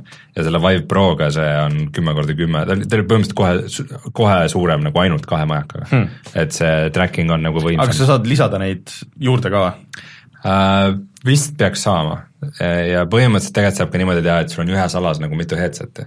Uh, siis on küll kasulik jah. aga, aga üks teema, mis sellega kohe tuleb, on see, et uh, et nüüd muutub nagu olulisemaks see, et see peaseade võiks olla juhtmevaba mm. -hmm. sest muidu see, kuidas me testisime, oli see, et üks mees hoidis kaablit. et äh, sa ei ulatu seal kümme korda kümme alas nagu juhtmega koos äh, vabalt ringi liikuma. Aga nii palju siis praegu Vibe Prost, ma kindlasti äh, kasutan seda veel ja annan veel oma muljeid sellest äh, siis tuhande neljasaja eurosest peaseadmest Äh, sellest saab põhimõtteliselt tõesti uue pea, tavalise pea, päris pea, pea põhimõtteliselt. kui sa Aasiasse lähed, siis raudselt. ma arvan, Martin müüks oma pea odavamalt. jaa, ega selle väärtus on langenud viimasel ajal aga jah, ma siis nii palju täpsustan, et mul ei ole mitte ainult HTC Vive Pro peaseade, vaid kogu komplekt nagu uued tracker'id, uued puldid nagu kõik. Mm.. ma enda teada olen Eestis esimene või ainus, kellel see on, võib-olla nüüd on juba kellelgi veel. Mm., aga Beat Saber on siis äh, täielik hitt VR-is äh,, mitte ainult, inimesed mängivad seda väga palju, vaid äh, inimestele meeldib ka vaadata videosid, kuidas teised inimesed seda mängivad. mina isegi vaatasin, mulle tundus isegi huvitav, ma tegelikult tahan seda inimest ka veel näha seal taga, kes seda teeb, et ma andsin meile ühe video, kus oli mingi nii-öelda custom song oli seal taga ja siis tundus nagu hullumeelsus. Dragon Force loomulikult oli esimene asi, mis custom'ina sinna sisse pandi. aga mm,. Mis, mis mäng see siis on? tegu on rütmimänguga. VR-i rütmimänge on varem ka olnud, näiteks Audio Shield, aga see ei olnud nagu nii äge. Beat Saberis on nagu ühendatud rütmimäng sellega, et mis tunne on olla Jedi, ehk siis Star Warsi maailmast valgusmõõgad omale kätte panna. ma ei tea, kas eesti keeles öeldakse valgusmõõgad või lasermõõgad valgusmõõk. valgusmõõk vist pigem. aga kas minu meelest, ma ütleks väga lihtsalt, kui see on nagu Fruit Ninja, kus tunnelist tulevad sinu poole vastu ja. noodid ja sa pead kindlaid noote kindla kindlat värvi mõõgaga lööma, eks tähendab, et äh, sul on kaks mõõka ja mm. siis äh, pead üks on punane, üks on sinine. Fruit Ninja ja siis äh, Guitar Hero kokku pandud. see Fruit Ninja, mul on tunne, nagu madaldab selle asja väärtust, aga samas no, äh, aga samas see on see töötab. selles mõttes see, see Fruit Ninja, kui sa seda ekraani peal teeksid, vaata, see oleks, see oleks igav. aga kui sa teed selle nagu oma füüsiliste kätega ma olen Kinecti peal mänginud Fruit Ninjat. oli jah, isegi mina olen, tuleb meelde jah, aga see ei olnud eriti huvitav, sest ta kuidagi see... ikkagi õigesti ei mm. reageerinud päris täpselt. Kinect on ikka halb ja, ja, ja, ja VR on nagu hea sa, sul on mingid eeldused, vaata mingid kindlad mingid ei, eeldused, mis sa oled seadnud äh, praegu. esiteks sa ei saa, sa ei saa seda petta, nii nagu sa Kinecti või Wii'd said nagu suht lihtsasti ära, ära tüssata. sa pead nagu tegema selle liigutuse, sa pead tegema selle füüsilise liigutuse, vahepeal tulevad suured punased plokid ja sa pead neist eest ära hüppama. et sa pead nagu tegema nagu vehkima kätega mm, -hmm seda rütmi tajuma väga hästi ja sul need puldid veidike vibreerivad ka, kui sa läbi lõikad mm, -hmm. et sa saad seda feedback'i. pluss, kui sa paned oma mõõgad kokku, siis nad pilluvad sädemeid ja sul vibreerivad käes ja kui need punased asjad, kuhu su pea ei tohi sisse sattuda, sinust mööda lähevad, sa saad oma mõõga ikka sinna sisse panna ja teha ka niimoodi nagu mööda minna, see on hullult lahe aga lihtsalt äh, see rütm, kuidas see tuleb äh, tulevad sulle need värvilised plokid, sul on kõigil nooled peal, et mis pidi sa pead lööma, et kustpoolt raiuma mm -hmm. nüüd pooleks, sa saad iga individuaalse selle eest äh, punkte ja sul tõuseb see kombomeeter, kui sa vahepeal mõnest mööda paned või mingi pommi otsa satud, siis su kombo langeb, äh, kui langeb liiga madalale, siis on nagu mäng läbi ja mm -hmm. pead uuesti alustama. Äh, ma suht alustasin hardi peal ja ma, seal on alguses mingi kümme lugu ja mul on vist umbes pooled on eksperdiga ära tehtud mm. -hmm. ja, ja see, ta ei ole nagu nii raske, kui ta tundub nagu mm -hmm. videodest, et mõned need videod, mis on mingi kahe miljoni vaatamisega ja kõik inimesed on mingi vau wow,, see ei ole võimalik. see ei ole nagu nii raske, et, et, et ma ei tea, ma ei, ma ei usu, et ma nagu nii hea saaksin sellest, selles olla, et, et, et, et, et, et see ekspert nagu minu jaoks midagi nii keerulist ei ole, aga, aga peale mõnda katsetamist juba nagu tuleb välja ja ja see on ikka siis niisugune mäng, et kui sa ühe selle loo eksperdiga ära teed, siis tuleb natukeseks peaseade ära võtta ja siis nagu natukene lõõtsutada ja, ja samas ta on nii kaasaarv mm -hmm. ja nii nagu nakatav. et siis ongi, et nagu paar õhtut ma olin nagu täiesti läbi omadega, ma nagu nagu trenn. bluus oli seljas märg nagu ja vahepeal mängisin ilma bluusita nagu, nagu kus pildid on, pildid või, või ei juhtunud? et see, et see on nagu, see on nagu see ongi see, mis see VR peaks olema, et sa teed sporti, aga sul on ilgelt lõbus nagu samal ajal. et see ongi nagu see, et on nagu füüsiline mängimine või sa lähed sinna ja nagu sinna on vaja teadust, teadust natuke veel taha panna, et selline full body exercise, et kõik, kõik, kõik äh, lihased saaks läbi teha ja grupid ja no jaa. aga siis, jalgade, siis peaks olema juhtmevaba ikka. ja jalgade külge tracker'id ja värgid ja no mina mängin äh, kodus, mul on Oculus, et äh, kodus ma mängin selle Oculusega, ma arvan, et Vive võib olla selleks veidi parem, et ma olen kuulnud, et nagu kiirete liikumiste puhul Vive'i puldid veidi paremini track ivad, teine asi on see, et ma kipun minema nuppude vastu, kuhu ma ei tohiks minna. Mm. -hmm. ja kui sa selles flow's oled ja hüppad ja vehid ja siis sul mingi pausi menüü ette tuleb nagu, siis see on nagu kõige frustreerivam asi üldse, et sa no, pead ots, otsima nagu, kust ma selle mängu nüüd sisse tagasi saan, nii okei okay,, seal, nüüd ma ootan selle taimeri. Ja nüüd jälle hakkab käima, et see, see ei sobi nagu üldse. et selles mõttes tundub, et Vive nagu oleks esimene valik, kuigi Oculusega mängida pole ka nagu otseselt häda midagi. aga rütmimängu kõige olulisem asi on see, et kuidas muss on ja kas muss on ainult see, mis seal sees on või saad sa ise lisada? Äh, sa tähendab, ta ei, ta ei tee neid leveleid mingi algoritmi järgi mm, -hmm. et ta ei ole mingi visuaalne plugin mm, -hmm. et nad on ikkagi ette disainitud mm -hmm. mängutegijate poolt. ja ta tuleb alguses umbes kümne looga, millest mõned on head, mõned on suht halvad. aga mitte mingid tuntud lood, mitte litsenseeritud? ja kõik on ühe DJ tehtud okay kui ma nüüd mööda ei pane, siis minu meelest need on vist Tšehhi arendajad ja et ongi, et siis põhimõtteliselt nagu, et ük, nagu kaks tüüpi, et üks on mm. see, kes tegi mussi ja teine on see, kes tegi nagu programmeerimise mm ja arenduse, aga aga nad on seda nagu väga hästi kuidagi omavahel tiimis kuidagi teinud, et see et see muss äh, sobib sinna hästi ja ta on niisugune pigem elektrooniline tantsumuss mm, -hmm. aga noh, ma ei vihka teda ma muidu nagu väga EDM-i mees ei ole, aga, aga see muusika seal on okei okay,, kohati isegi hakkab kummitama ja on nagu päris lõbus, aga mõned lood on suht halvad ja tunduvad nagu niisugused nagu lihtsakoelised remix'id nagu teistest lugudest, et äh, nagu nendest samadest lugudest oh., et, et äh, see ja need ei paku nagu väga palju, aga aga põhimõtteliselt on siis avatud võimalus, äh, et sa saad nagu teha oma leveleid ja inimesed on teinud igast tuntud lugudest ka oma leveleid mm, -hmm. et äh, ma isegi, ma ei ole väga süvenenud sellesse maailma, et ma arvan, et sellele saab kuidagi Steam Workshopi kaudu äkki siis äh, ligi või peab kuidagi eraldi alla laadima või ma isegi ei tea täpselt, kuidas mm -hmm. see mhm. käib, sest seal on ju ilmselgelt on see autoriõiguste teema ka sees, on ju mhm.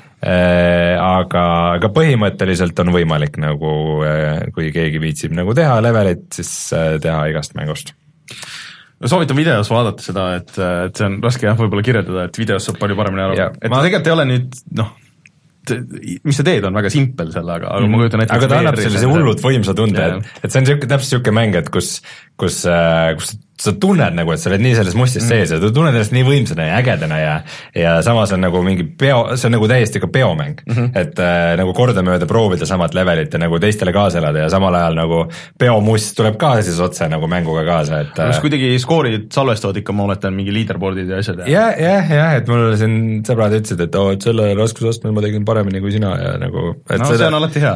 seda saab nagu omavahel võrrelda, et äh, et see on äge, ma ütleks, et see on üks esimesi ka niisuguseid äh, nagu Skyrim Skyrim oli ka minu jaoks nagu veidike killer äpp, aga, aga Beat Saber on, on niisugune mäng, mida on nagu lahe mängida ja lahe ka vaadata, et ma arvan, et see nagu VR-ile kui tervikule nagu tuleb väga kasuks ja ta on juba väga, väga edukas äh, väikse Tšehhi indie-mängu kohta ja väga palju tähelepanu saanud.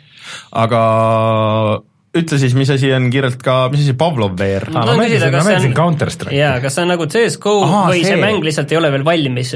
mulle tundub, et see ei ole veel päris valmis asi, et see on siis, Pavlov VR on siis VR-i versioon CSGO-st, et see peaks olema üsna üks-ühele peaaegu kopeeritud ähm,. Nii ja naa, sest et äh, kui ma alguses seda mängisin, ma mängin teda väga palju, äh, ühe õhtusõbraga tegime veidike, aga aga alguses me tegime deathmatch'i, et seal on nagu deathmatch erinevate levelitega nagu mm. ka täiesti olemas.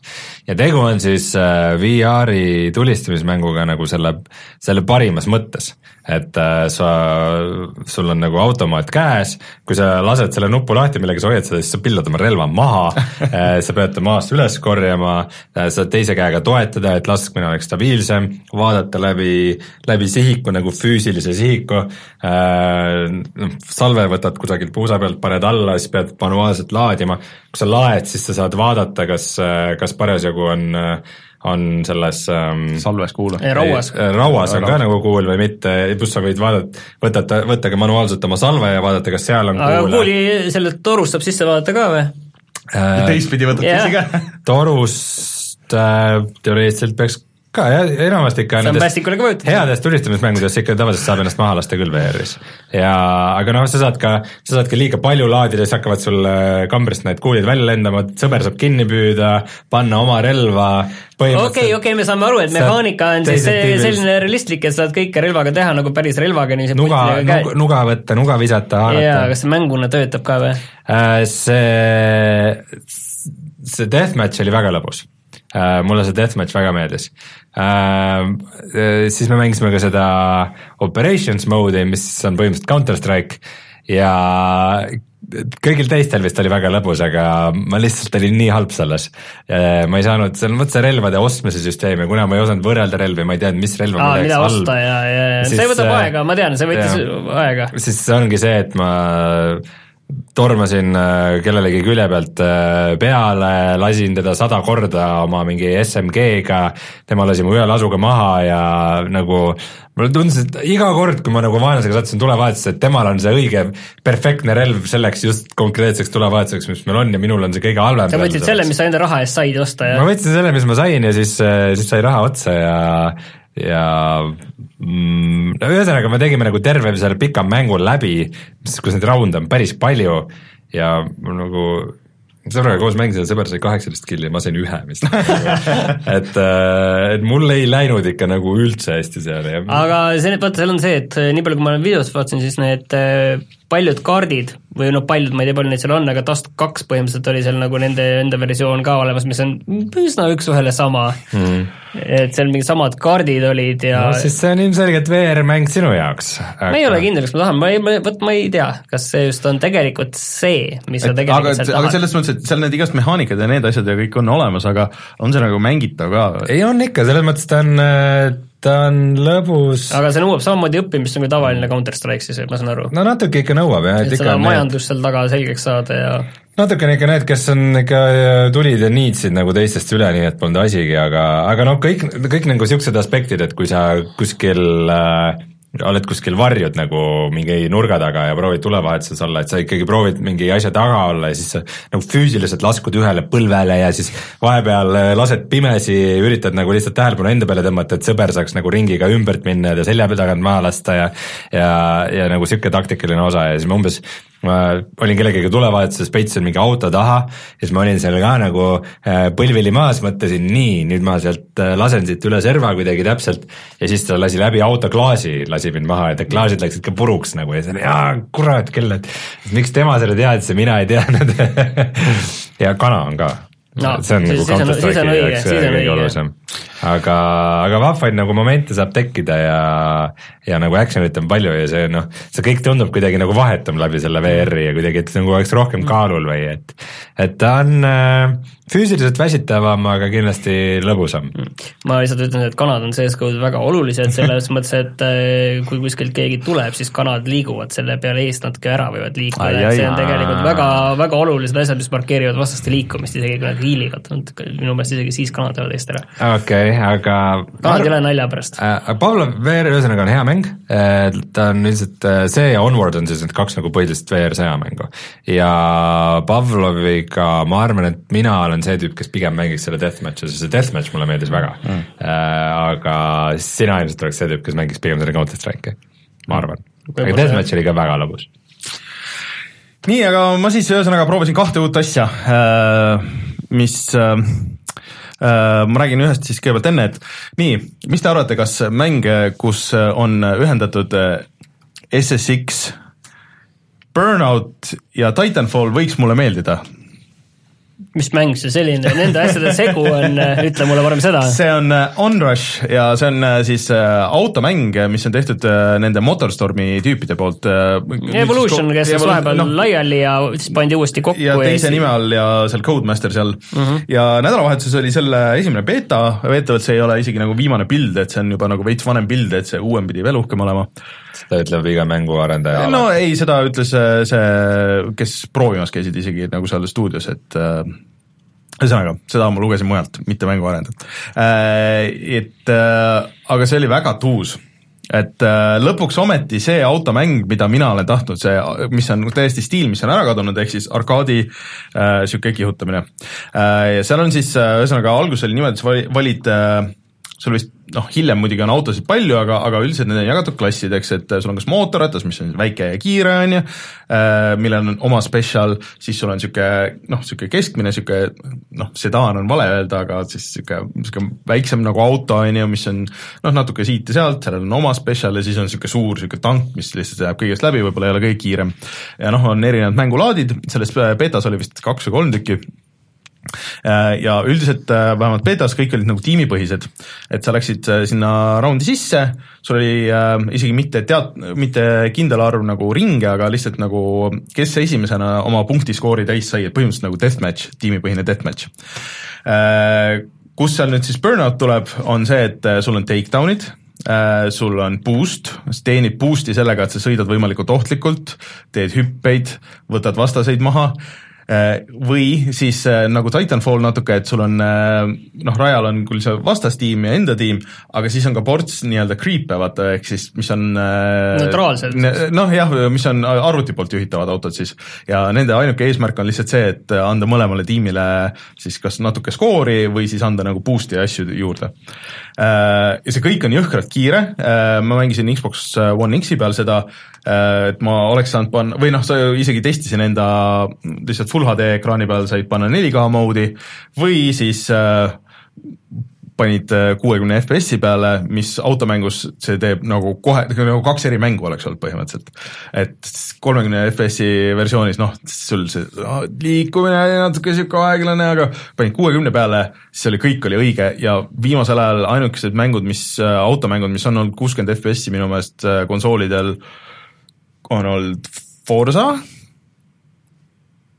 ja see on kõik et äh, selles mõttes, et see oli ikka väga, väga tuus ja kõik see on hästi kiire äh,, see on hästi lõbus äh,, takedown'id on takedown'ide nimedega isegi võetud otse burnout'ist samas sa võid ka teha trikke nagu SSX-is ja siis teenida sellega ja siis teenid oma seda meeterit, teenid selle oma nii-öelda Uber meeteri täis ja siis sa võid launch ida veel nagu selle oma special'i ja kõik, kõik need asjad nagu kokku, mulle jättis see hullult hea mulje. tead, mis on kõige parem selle asja juures või? tuleb viiendal juunil välja. Jah, et see on juba kohe väljas, et see ongi tuleb minu... siis välja, alguses sel, tegelikult siis ta tuleb välja nii PlayStation neljale kui Xbox One'ile ja siis millalgi hiljem ka arvutile. jah, et äh, see tundub täpselt niisugune mäng, et äh, mida on mõnus nagu, et ma istun nüüd korraks maha, ma teen äh, viis raundi seda,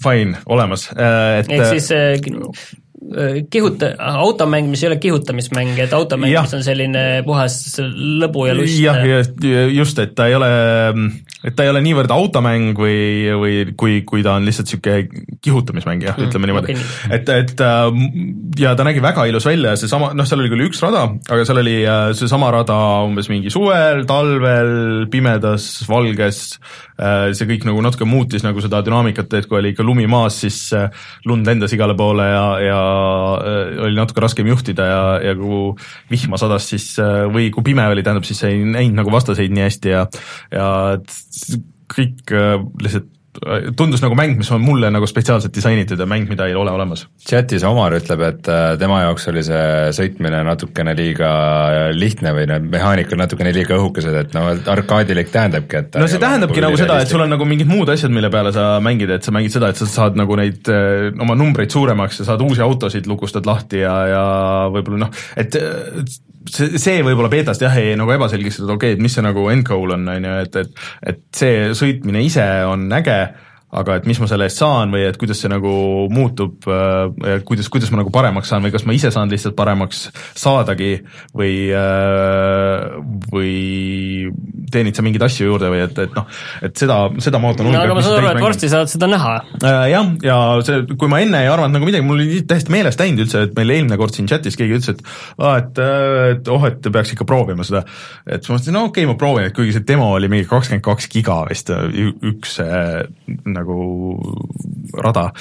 et äh, siis mulle tõusis see kohe nagu sinna, et okei okay,, järgmine mäng, mida ma ootan, mul nagu niisugust nagu väga ei olnudki, siis äh, seda mängu ootan väga äh, ja siis äh, teine asi, mis ma proovisin, siis ma mängisin esimesed tund aega seda State of Decay kahte, mis on siis nüüd seal äh, selles Microsofti Gamepassis ma nagu ei oska öelda midagi selle peale, et see oli noh, et visatakse nagu täiesti mingi ei või jah. et sa alguses valid ei või jah. esimene tund, ma ei, oota, ma, oota, ma räägin sulle ära noh, ma räägin, kui palju ma nägin selle esimese tunniga no,. et sa valid, valid äh, neljast... räägib selle tund aega ei no sa valid, valid nagu neljast äh, tiimist siis alguses, et äh, sa nagu väga, noh, seal on nagu erinevad statsid, aga seal, ega nagu väga ei öelda, et mis need statsid nagu tähendavad või mis need sulle annavad, et sul alguses on üks relv või tähendab, sul on nagu siis mingi toru või mingi pesapallikurikas, on ju, relva sul ei ole, äh, visatakse maailma, äh, valid vist äh, ühest kolmest nagu maailmast, et kus sa siis nagu alustad ja siis äh, on zombid, siis sa pead jõudma nagu kuskile, et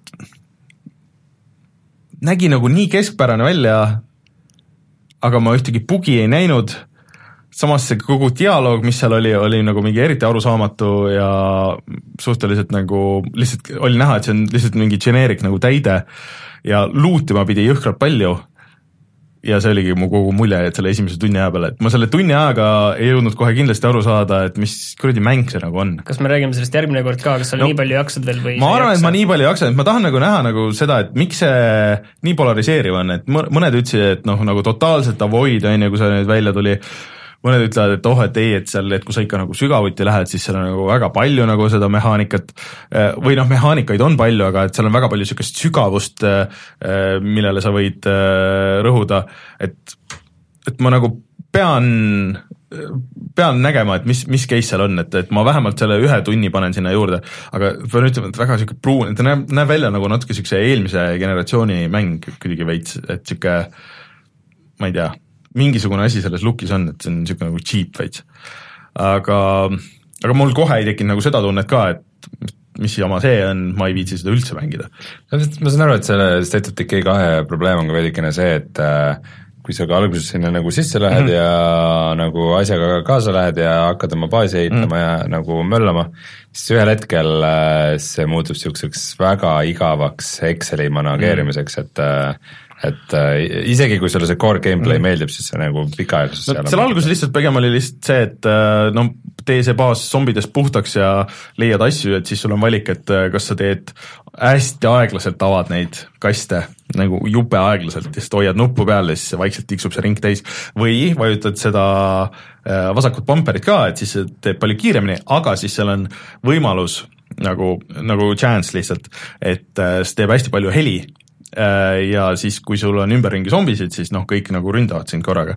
aga seal alguses ma nagu ei tundnud, et see isegi mingi kolm-neli zombit äh, nagu mingi väga suur probleem oleks, ma ei tea, et äh, noh, see story oli ka nagu, et seal keegi on mingi teadlane, kes hoiab, et tema mingi laps või keegi on muutunud zombiks ja ja ta on vaja see välja transportida ja sul kaaslasel on ka see viirus ja siis sa pead nüüd hakkama majandama seda tema viirust, on ju. aga kõiki neid asju on, neid on nagu nähtud nagu nii palju ja see väga meenutas pigem seda Dead Rising ut, Dead Rising kahe story on ju põhimõtteliselt täpselt sama, et ainult, et ta ei ole nii lõbus nagu Dead Rising, et sa võid kõiki maailma asju üles võtta, et sul on ainult need ühed kastid ja siis sealt need asjad ja nii edasi. aga ma tahtsin ühte asja öelda veel God of War'i kohta, mida ma ka mängin, aga ma sellest rohkem ei räägi. Rein, kas sa tead, sulle kui filmiinimesele, seal on tegelikult üks väga põnev asi, ma ei tea, kas sa seda teadsid või mitte. et kui sa selle terve mängu mängid jutis nagu läbi, siis see on põhimõtteliselt üks pikk kaamera take ehk siis sul mängu algusest peale sul kaamera jääb nagu paika ja kaamera nagu nurgavahetust või noh, nagu teise kaamera vahetust kunagi ei tule. nagu ühtegi lõiget ei ole. ühtegi lõiget ei ole jah, et sul on kogu aeg on üks pikk kaamera, et noh, ma sattusin kuskile niisugusesse kohta, kus oli hästi eepiline noh, mingi story oli, aga siis sealt läks gameplay'ks ja noh, hästi mitu korda niimoodi edasi-tagasi. ja see tegelikult on päris, äh, päris tuus asi. See on täiesti ebarealistlik, sul saab aku tühjaks ka. Ei no vahetad, äkki on mitme akuga, saab vahetada niimoodi, või on hästi pika juhtmega. Väga huvitav. jaa. Aga State of Decay kohta ma jah, nagu ma ei oska veel seisukohta võtta, ma arvan, et see ongi niisugune, et keskpärane, et, et sulle võib-olla väga meeldib, kui sa selle tasuta sealt saad, on ju, ja siis sa jäädki võib-olla seda mängima mingi koos sõbraga, aga et kas selle eest nagu kolmekümmend eurot välja käima peab, ma veel ei, ei oska soovitada. aga selle eest Onrushi eest ma oleks küll nõus raha välja käima. aga tuleme siis kohe tagasi ja vaatame, mis on sellel nädalal internetis odav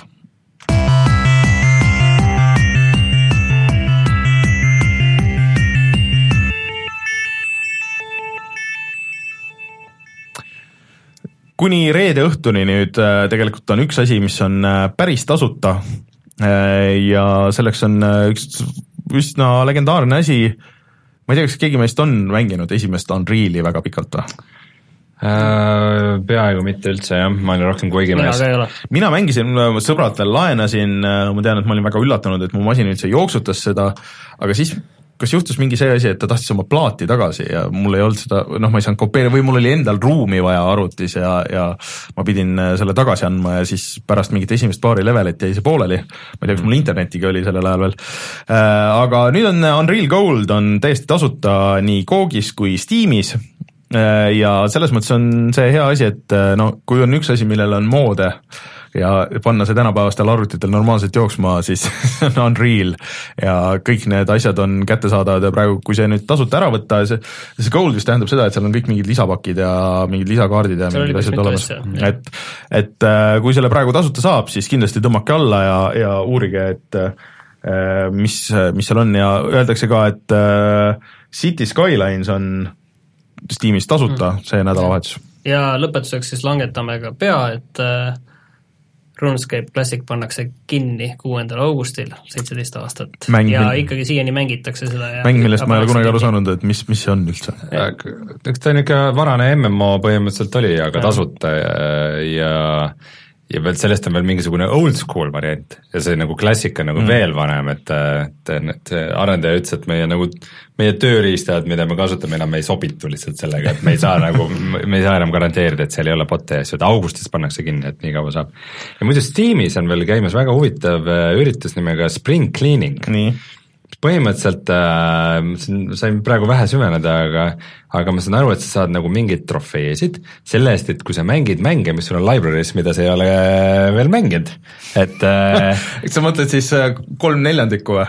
et nagu väga paljudel on neid äh, mänge, mida nad ei ole proovinud, mis nad on kunagi ostnud, et et siis, et äh, sind innustada neid proovima ja, ja valivad ka suvaliselt mõned mängud, äh, et mis on tasuta see nädalavahetus, et, et sa saad ka neid proovida.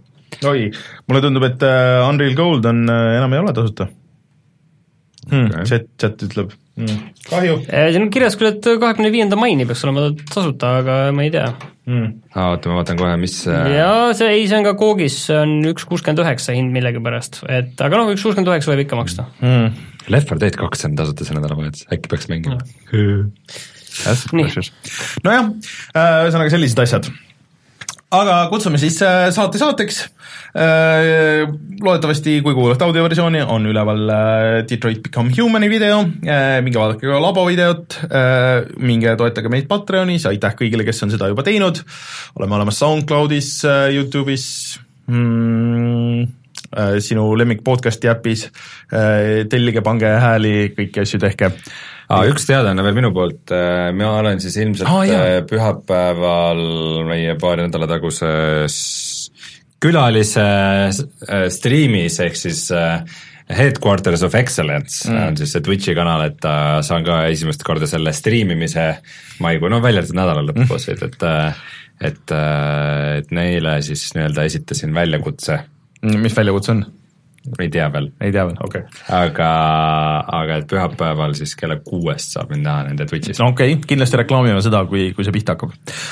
aga aitäh kõigile, kes kuulasid, kohtume juba järgmisel nädalal, mina olen Rainer, minuga Martin ja Rein, tšau! tšau!